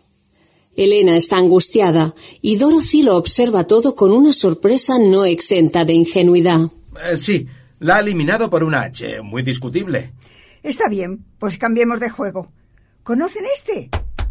Hay que llevar todos el ritmo y al dar la palmada decir lo primero que a uno se le ocurra. Sí, y el otro tiene que decir algo que esté asociado con aquello. Exacto, y sin dejar de dar palmadas. Lo jugábamos en mi escuela de Akron y le llamábamos libre asociación mental. Como en las Naciones Unidas. ¿Quiere empezar usted? No, yo no quiero jugar. Pues nosotros tres. Vamos. Vamos. Ritmo. De prueba, ¿eh? Usted empieza. Conforme va. Hombre. Mujer, Hijo, Parto. médico, hospital, Éter. olor. malo, Bueno. Eh, bueno, pues como prueba creo que basta. ¿Vamos en serio? Eh, Empiezo yo.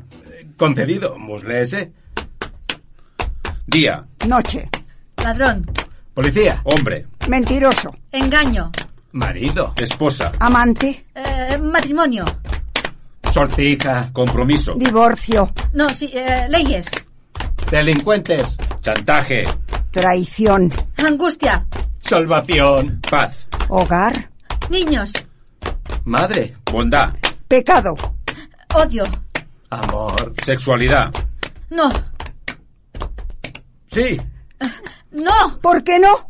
¿Usted no asocia la sexualidad con el amor? Pues hay quien los confunde en una misma cosa. es posible. Entonces estoy eliminada. Sigan ustedes. Eh, venga, sigamos. No, John. Creo que será mejor que lo dejemos. Pero si estamos a la mitad, nadie ha ganado. Eso es verdad, pero así quedamos sin que tampoco pierda ninguno. Excepto usted, Elena.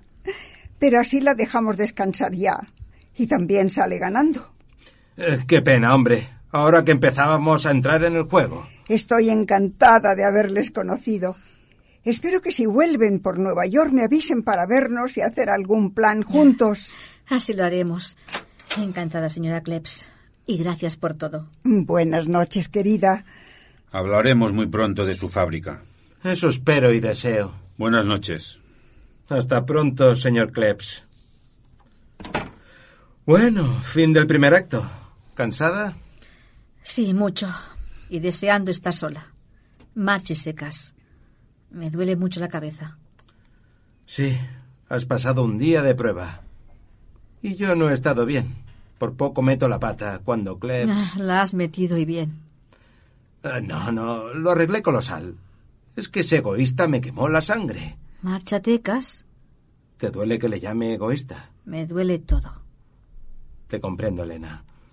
A poco de conocerte me dijiste que habías terminado con él. Luego encontraste los globos, luego decidiste otra vez romper de nuevo. Hago lo que me da la gana. Y yo también. Soy un ciudadano libre y tengo derecho a opinar. Será en los asuntos públicos. Pero este es exclusivamente mío, ¿entiendes?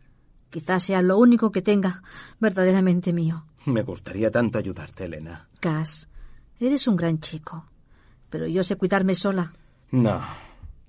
Tú eres capaz de todo, menos de defenderte de un hombre como este.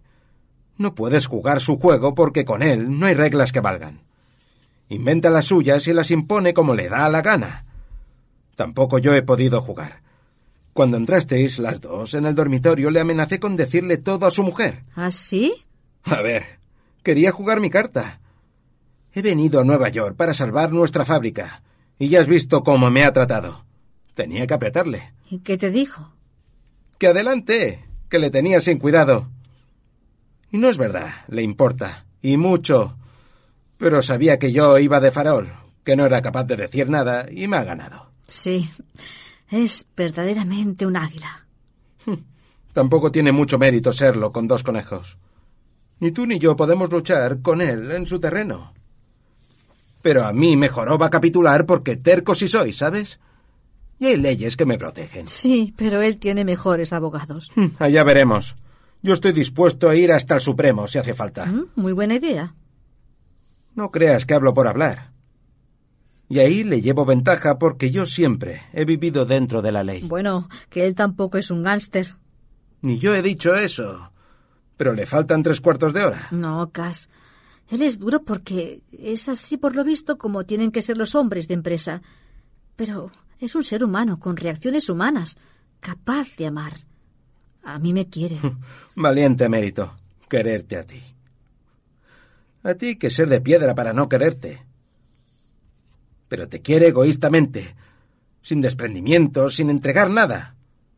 Y no me refiero, claro está, al collar con las iniciales de su refrigeradora. Basta, Cas. Y hazme el favor de marcharte. John va a volver. No quiero. Me crispa verte dar todo. Tu amor, tu juventud y hasta... y hasta todo. A un desaprensivo de esta calaña. Cas. No hay cas que valga. Siéntate y escúchame. ¿Cuál es tu vida? ¿Cuál será dentro de unos años? ¿Por qué tienes que conformarte con tener a tus hijos en tus libros cuando lo que te gustaría es tenerlos en tu casa contigo? Es este picadero un hogar. Tu hogar. Por no ser, no es ni tuyo, porque te lo ha quitado. Crees que tienes un águila por amante y lo que tienes es un egoísta desaprensivo y repugnante que tiene su hogar. Y ojo con rozárselo. Y que mete mano a su mujer en cuanto se quedan solos. ¿Por qué dices esa mentira? Porque lo he visto aquí esta tarde. Ahí mismo. Cuando salí con el champán.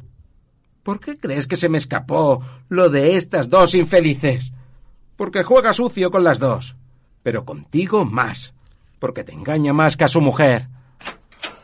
¿Todavía está aquí? Eh, sí, claro. Sabía que iba a volver y quería que hablásemos en serio. No hace falta. Vaya si lo hace. Le digo que no, Henderson. He decidido dejar su fábrica abierta con ustedes al frente. ¿Qué dice? Pues eso. Que ha llamado usted a una puerta abierta. He decidido acceder a su petición. Se ha estropeado el 607. Es el precio que pago para que se marche ahora mismo. Bueno, pero eso así, de palabra... Mis abogados redactarán un documento para que lo firme la semana que viene. Ha arreglado su asunto. Ahora váyase pronto y déjeme a mí arreglar el mío. Eh, Me gustaría llevarme algo más que su palabra. Puedes fiarte de ella, Cas. ¿Y eso lo dices tú? Si pretendiera engañarle, le hubiera ofrecido esto mucho antes. Váyase tranquilo, pero váyase. Está bien. ¿A dónde va? A coger mi maleta al dormitorio. El martes estaré en su oficina. Sería triste para todos que no estuvieran esos papeles. Me da rabia que me gane este paleto. Pero si no es así, no se va ni con los bomberos. Espero que esos cajones corredizos sean un asco y al menos tendré pérdidas auténticamente legales. Eh, Todo lo que te he dicho, Ah. Elena. No es verdad. Ya daría yo hasta mi fábrica porque no lo fuera. Buenas noches. No le harás nada malo, ¿verdad? ¿Por qué te preocupas tanto por él? Porque es una gran persona. Un aficionado. Las grandes personas no deben hacer negocios. Bueno, y dejémoslo ya, porque tenemos que hablar de algo más importante. ¿Qué has hecho con Dorothy? Mandar la casa. ¿Nos extrañó? Porque si va a extrañar... No sé, cuando jugábamos me dio la sensación de que... Ah, tonterías. Ni se le ha pasado por la cabeza. Figúrate si la conoceré después de 15 años de matrimonio. Ni de alcoba. Ah, Bueno, claro. Y de alcoba. ¿Dormís en la misma cama? Pues... ah, sí. Cuando nos casamos no se estilaba como ahora lo de las dos camas. Eso nunca me lo dijiste. Porque nunca me lo has preguntado. ¿Tenía yo que preguntar una cosa así? ¿No es a mí a quién quieres? Sí. ¿Y cómo puedes entonces? Por la paz familiar. Por los niños. ¿Qué? ¿Les divierte miraros? Eh, eh, no te exaltes, Elena. Es por los niños únicamente, por lo que Dorothy y yo seguimos casados, tú lo sabes. Y como tenemos que vivir juntos... En cuanto tienes ocasión, la abrazas y la besuqueas. ¿Yo? Sí, tú. Esta misma noche y aquí mismo. Ah, bueno, una bobada. ¿Y de eso vas a hacer un mundo? Pues sí, un mundo es lo que quiero hacer. El mío. ¿No tengo derecho? Lo tienes. Y por eso he vuelto esa noche, para decirte y garantizarte que tú eres la única mujer a quien adoro y en quien únicamente pienso desde que me levanto hasta que me acuesto. Con Dorothy. Ah, Vamos, Elena, da a cada cosa su verdadero valor. Es que no sabes de verdad que te adoro. Que eres para mí lo primero del mundo. Que no hay nada que me haga más feliz que estar a solas contigo aquí, donde cada rincón tiene un secreto nuestro. Te quiero, Elena. Y tú a mí. Nos queremos. Y esto es lo verdaderamente importante. Elena, cariño, he vuelto. Ábreme. Es Cass. Pero, ¿hasta cuándo este imbécil? Me arrepiento de todo. Perdona a tu marido y déjale volver. No seas rencorosa, Elena. Pero es que está loco. ¿Qué, qué hago? ¿Le, le abro? Lo haré yo. Y voy a patearle. Oh, cuidado, John. No arméis escándalo. ¿Qué demonios pretende ahora? ¿Que eh, viene? ¿Que viene quién? Antes de que Cass pueda contestar, aparece Dorothy en el rellano y avanza, fría y serena, hasta la puerta. Yo hice lo que pude.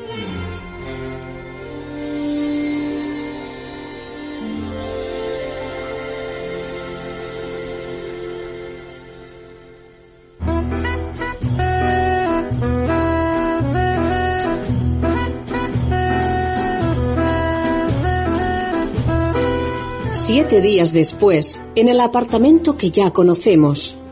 Hoy es jueves y son las 12 del mediodía. La habitación presenta un acentuado desorden, ya que está lleno de cajas ya embaladas y otras apercibidas para lo mismo. Elena, ¿ya está el café? Eh, Sí, ya te lo llevo. Pero, ¿y cómo no está ya servido? Todos los días me haces llegar tarde por lo mismo. Eh, Es que hoy se ha terminado el café. ¿Te da lo mismo tomarlo de este en polvo? Sí, bueno. ¿Y cómo no has comprado? Porque como nos vamos al St. Regis, pensé que allí no haría falta. ¿O tienen cocina en este apartamento? No, no, afortunadamente el servicio lo da el hotel. Eh, ¿Por qué dices afortunadamente? Eh, bu- bu- Bueno, porque te evitaré esas molestias. ¿Cómo va tu embalaje? Ah, lo mío bien. Ay, me da pena llevar todo esto a un guardamuebles. Si pudiéramos encontrar pronto una casita alegre que nos gustase, lo llevaríamos ya allí. Eh, no, no, no, no, no hay que precipitarse en eso de la casa. Ah, no. No, no, claro, las precipitaciones nunca son buenas. Bueno, pero por ir mirando. Te digo una cosa. Dila. Ayer estuve en el ginecólogo. ¿A qué? A que me reconociera. Quiero saber si podré ser una buena madre. Vaya. ¿Y te puntúo bien? Me dijo que tengo una pelvis perfecta. Un piropo científico. que puedo tener perfectamente un niño cada año. Eh, Y si me apuras, tres cada dos. Pues sí, te apuro, John. Ay, yo tengo prisa en encargarlo. Bueno, bueno, bueno, yo tengo que irme ahora a la oficina, ¿eh? No será tan urgente. Ah, No, claro, tonto.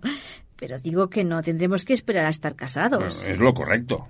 Y total, Dorothy ha ido ya a Reno con los papeles arreglados, y aunque los abogados son más bien eh, pesados, Ah, Podemos tenerlo prematuro. Eso ahora casi está de moda. yo creo que es más urgente la mudanza, ¿no? ¿Por qué no acabas de prepararla? Sí, amor. Ah, Las estatuas de la terraza puedo dejarlas, ¿no? No, no, no, que se las lleven. ¿Qué falta van a hacer aquí ahora esas cursilerías? ¿Por qué no me dijiste nunca que te parecían cursis mis estatuas? Bueno, he querido decir eh, inapropiadas. Esto va a ser ahora de verdad un apartamento para clientes. Me has hecho daño, John. Venga, mujer, no te enfades. Perdóname, pero es que entre las preocupaciones y el dolor ese que me ha salido en la espalda. Ay, ¿te duele aún? Sí, sí, aún me molesta. Pero no es nada, Estarás bien para esta noche. seguramente. ¿Por qué? porque doy una cena en el pabellón a mis amigos para que te conozcan, he reservado una mesa para seis. Janice, Corcu, que ha dejado el circo, Ah, Joyce... sí, divertidísimo. Pero.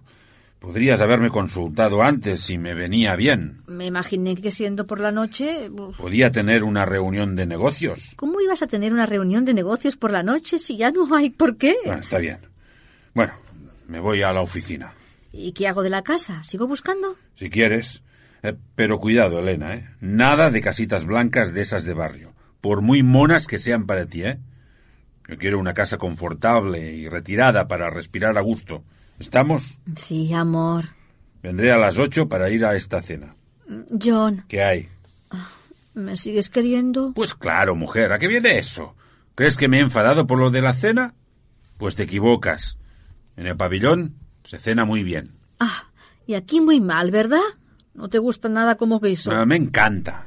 Las patatas esas que guisaste anoche estaban deliciosas. Apenas las probaste. Bueno, porque ese calor y el dolor de la espalda me quitaron el apetito. Bueno, me voy que se me hace muy tarde. ¿Y por qué vas descalza? ¿Ahora te fijas? Siempre que puedo voy así. ¿Siempre? Sí, siempre. Antes también. Lo que es que como pasabas aquí poco tiempo, no te fijabas. Sí, posiblemente. ¿Y qué es? ¿Una costumbre de tu pueblo?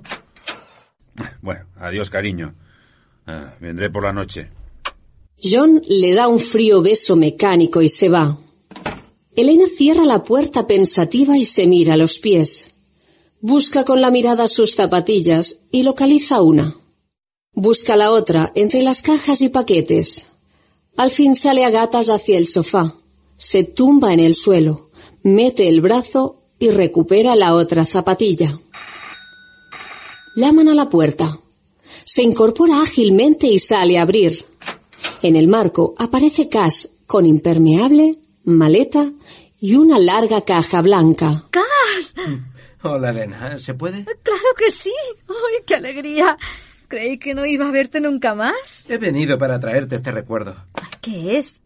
Un cajón. ¿Para píldoras? No, no. Para resolver el problema del ama de casa. Es el que fabricamos mi hermano y yo. Aquí lo dice, ¿ves? A ver. Cajón patentado. Tres en uno. Fábrica Henderson, Akron, Ohio. ¡Oh, estupendo! Bueno, pues ya tengo una caja más. Eso veo. ¿Qué? ¿Es que te mudas? Sí, este piso se queda por fin para los visitantes ilustres. Para nosotros resulta ya un poco pequeño. Ah, vamos. Entonces es que la cosa... Sí, sí, sí, se han divorciado. Dorothy ha ido ya a Reno a arreglar los papeles. Nos casamos. Eh, No lo sabía. Pues enhorabuena. Ah, Gracias, Cas. Yo debería haber traído entonces, en lugar de este cajón, una botella de algo para brindar. Si es por eso, aquí ya sabes que lo hay.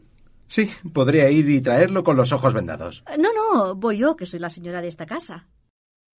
¿Te da igual otra cosa? No tengo champán. Ah, sí, claro, lo que tengas.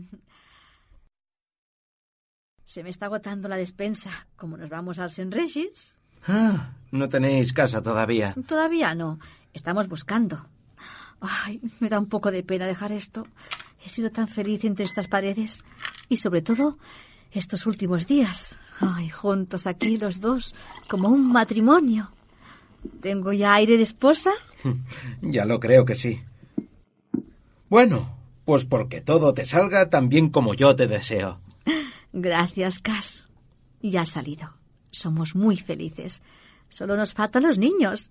Y los tendremos muy pronto porque John está rabiando porque se los dé. Pienso que por poco estropeo yo todo esto tan bonito. Aquella noche en que subí corriendo a avisar que venía Dorothy. ¿Por qué? Eh, Porque si llego a tiempo y evito todo, pues... Todo seguiría igual. Dorothy no habría ido a Reno. Mm, es cierto. Qué noche aquella. En Akron no pasa nunca nada ni parecido. Es otra forma de entender la vida, la nuestra.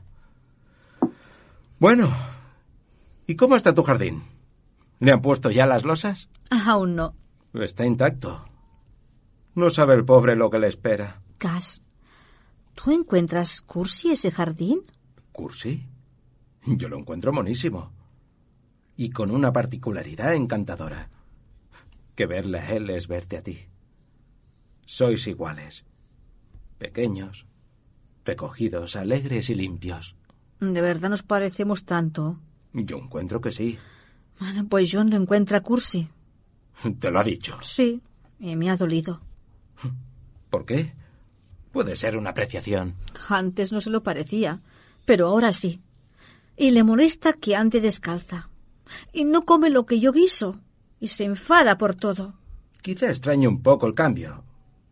No acabas de decirme que... La que está extrañada soy yo. Sí, Cas. A alguien tengo que decírselo, ¿no? A veces pienso que, que ya no me quiere.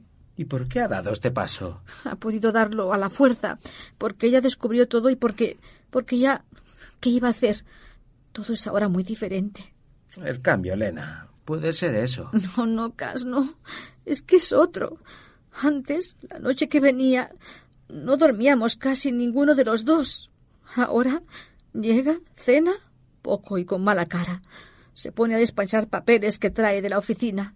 Cae en la cama como un fardo y antes de que le pueda dar las buenas noches ya está roncando. Ah, Tú no sabías que roncaba. ¿De dónde? No te digo que, que no dormía. Vaya con John. Claro que no es lo mismo un día a la semana que jornada intensiva. No, Cas, no. Es que parece otro en todo. Mi ilusión es que nos fuéramos a una casita blanca. Pues cada vez que le hablo de la casita blanca, le cae como un tiro. Y lo mismo cuando le hablo de los niños. Hace un momento le dije que el ginecólogo me había felicitado por mi pelvis. Y ni se emocionó. Ay, los hombres somos menos sensibles para esas cosas. No, no, Cas.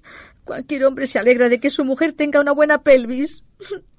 La alegría del hombre no cala tanto como los rayos X. Se detiene un poco más acá. John. John ya no se detiene en ningún sitio. Va, no llores, Elena. Que tú no sabes bien la pena que me da. Perdóname esta escena, Cas. Pero necesitaba mucho poder llorar con alguien. Elena, creo que tengo derecho a hacerte la misma proposición que tú me hiciste la tarde en que nos conocimos. ¿Quieres casarte conmigo? ¿Pero qué dices, Cas? Voy a hacerlo con John la semana que viene. Eso es precisamente lo que quiero evitar. Puede que yo no sea exactamente el marido que necesitas, pero él lo es mucho menos. No soy tan importante ni tan inteligente como él, pero soy un hombre que tiene corazón y piensa en que tú también lo tienes, que sabría quererte, cuidarte y ampararte. Ay, es mejor que no sigas, Cas. Tengo derecho a hacer mi propaganda, ¿no? Tú llegaste a enseñarme tus muelas, recuérdalo. Sí, sí, Cas, pero has debido interpretar mal mi desahogo.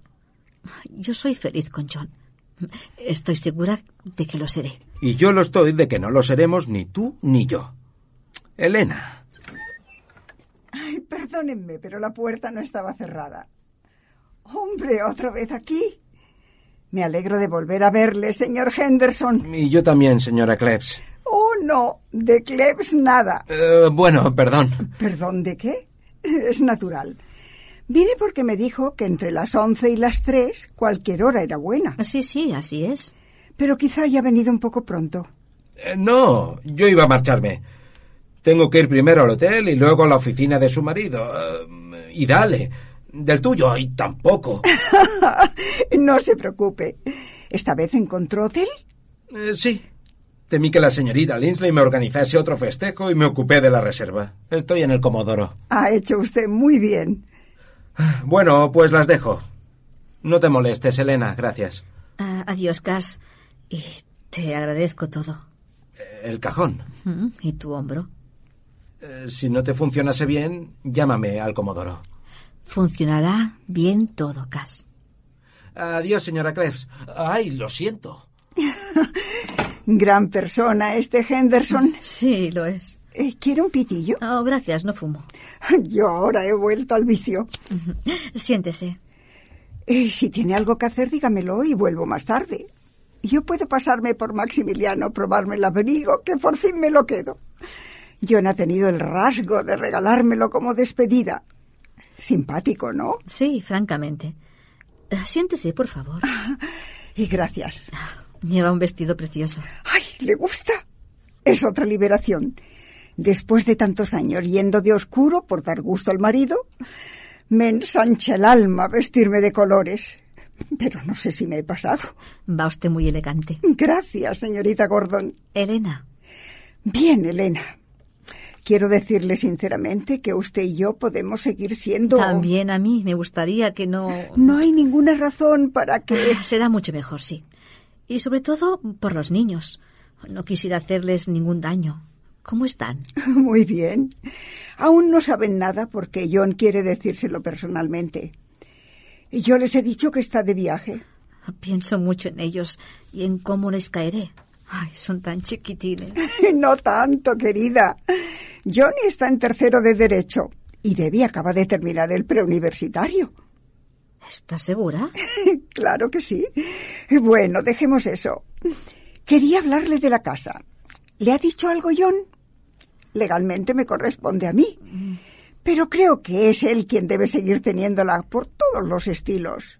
¿No opina usted lo mismo? Pues sí, qui- quizá, pero ¿y usted dónde va a ir? Ay, de momento viajaré, que es otra cosa que me chifla. Y con John no había manera. Visitaré Hong Kong, Sevilla en feria, París en otoño, la Costa Azul, Londres. Ah, ¡qué ¡ay! maravilla!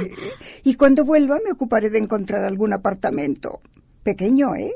A mí me basta con muy poco. ¿Y por qué no se queda entonces con este? No. ¿Sí? Ajá. ¿Está usted segura? Creo que es lo mejor. Este ya está comprado y, y se queda vacío. Pues me gusta la idea. Mira, lo hablaremos. Puesto que van a quedarse ustedes con la casa, le he traído algunas anotaciones que les serán muy útiles para que sepa cómo funciona. Ah, sí, sí, claro. A ver, mire. Em, señora Jennings y su marido son el ama de llaves y el mecánico. No los deje marchar.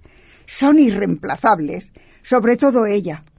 Conoce al dedillo las comidas de John cuando hay invitados y cuando no. Tendrá usted que sufrir a los socios de John con sus esposas tres veces por semana.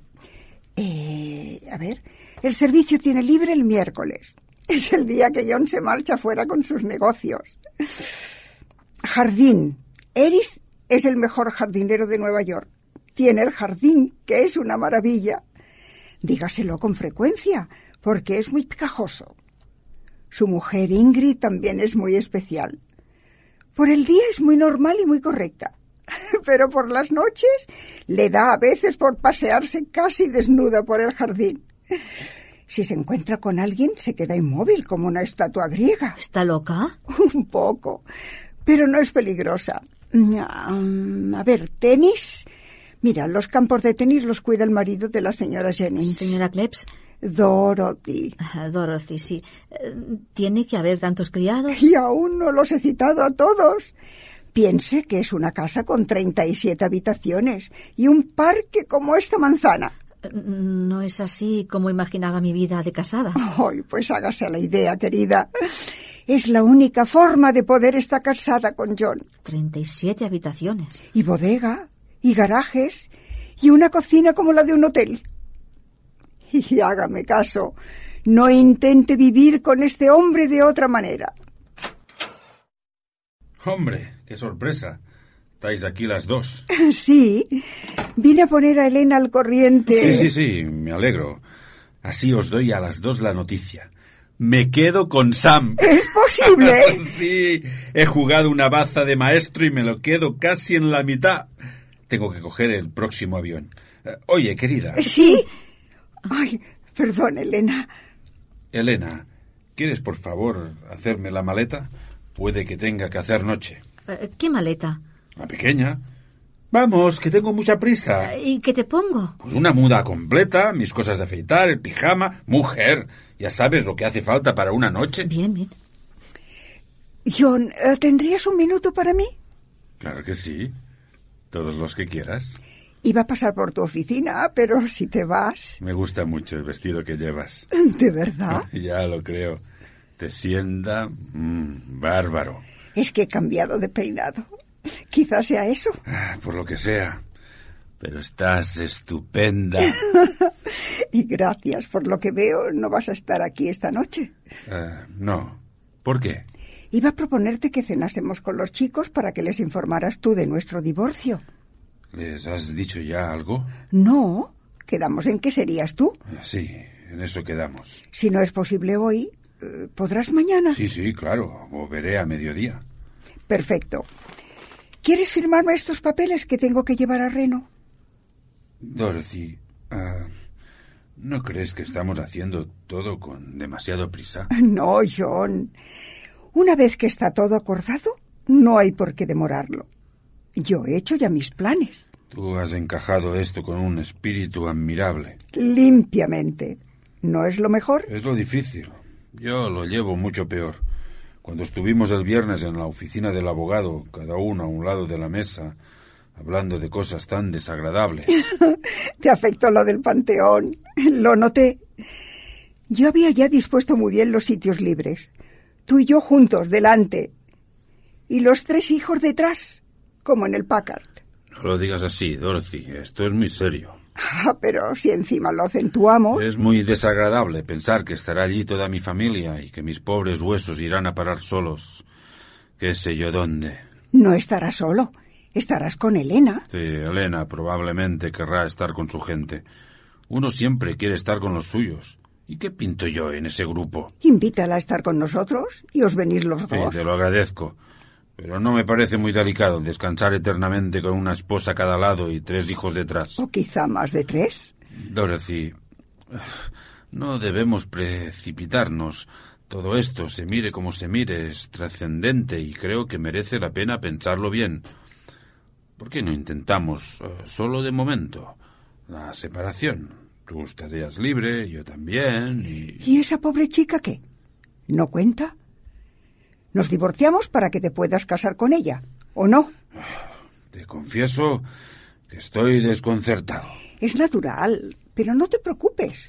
Elena y yo hemos arreglado ya todo y tu vida seguirá como antes, salvo que ella estará en mi lugar y yo me quedaré en este piso. Tú aquí. ¿Qué dices? ¿Esto va a ser para nuestros clientes? Ah, no, nunca vino ninguno excepto el pobre Henderson. Fue una idea de Elena, que es un encanto de chiquilla. Y me pareció muy bien. Pero esto para ti es muy pequeño. No podrás recibir aquí a nadie. Ni falta que hace. Ahora tendrán que recibirme a mí, que es mucho más cómodo. Nada, nada. Me gusta. Cuando vuelva de Europa me instalaré aquí. Ah, ¿te vas a ir de juerga? Una vueltecita. Vaya, nunca te vi tan decidida. Eh, me gustas. De verdad. Mm, y mucho. ¿Cómo te sienta el estampado este? Pues tarde, Piache. John, tienes que ser bueno con Elena. Es una gran chica que casi no te la mereces.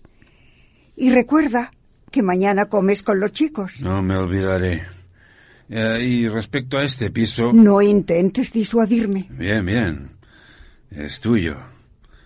Ay, sabes que te voy a echar mucho de menos. Solo al principio. A mí me va a pasar lo mismo. Cariño, Adiós, John. Despídeme de Elena. ¿cenarás conmigo alguna noche? ¿Y por qué no? Eso me hace ilusión. Cuando vuelva de mi viaje me llamas y cenamos cualquier miércoles. Elena. Ya voy. Eh, ¿Se ha ido Dorothy? Oh, me hubiera gustado despedirla. Es que tenía prisa. Oye, ¿no has visto unos documentos que estuve preparando anoche? ¿Los dejaste aquí? Sí, claro. Es difícil dejarlos en otro sitio. He hablado con Dorothy de todo. Eh, me lo ha dicho. Y también de tus hijos. ¿Ah, sí? ¿Mm? Me enternecía acordándome de tu preocupación cada noche de ir a sus camitas a taparles antes de acostarte. Ah, conmovedor. ¿Y cómo hacías para poder ir a la universidad de Johnny y volver cada noche? ¿En helicóptero? Ah, No me refería exactamente a Johnny. Ah, a Debbie, que ha terminado ya el A preuniversitario. todos. Los hijos son siempre niños, Elena. Sí, John.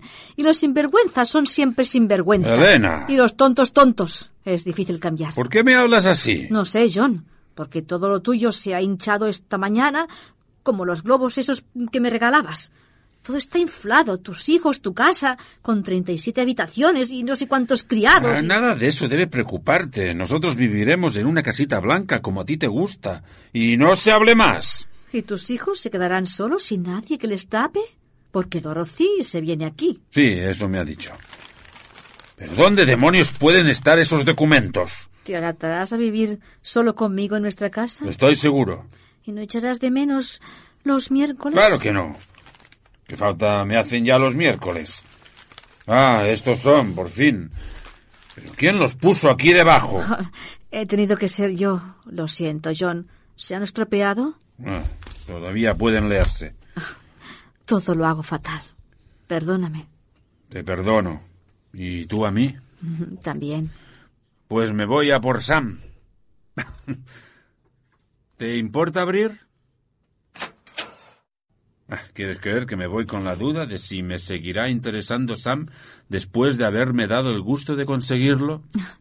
No me extrañaría nada en ti. Pero piensa en esas pobres yeguas. Tienes razón. Ah, Adiós, Elena. Mm. Adiós, John. Y gracias por la felicidad que me has dado. Y la que aún te voy a dar.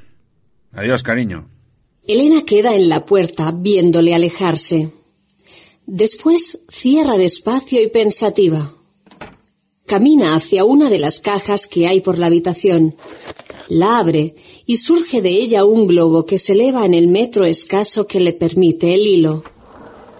Contemplándolo, sale hacia la terraza y una vez en ella suelta el globo, que se eleva y desaparece. Le sigue un rato con la vista y luego vuelve a la habitación y toma el teléfono.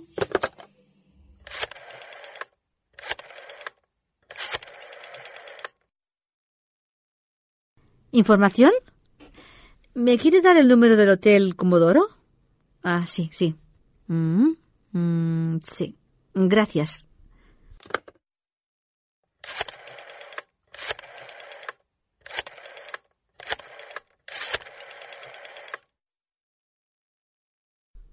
¿Hotel Comodoro? Quiero dejar un recado para el señor Henderson. Sí, dígale que ya no necesito globos. Sí, globos. No, no hace falta mi nombre. Con que le diga eso es suficiente. No quiero más globos. Gracias.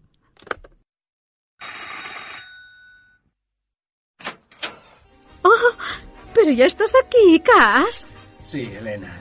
Sabes que soy muy terco y no me rindo fácilmente. Mira lo que te traigo. Oh, pero Cas. Oh, ¡Cuántos globos!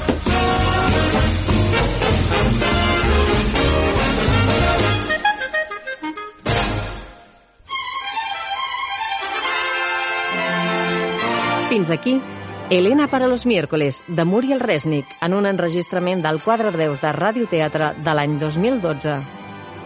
Esperem que hagueu gaudit de la nostra audició d'avui i us emplacem fins la propera setmana a aquesta mateixa hora en una nova sessió de teatre radiofònic.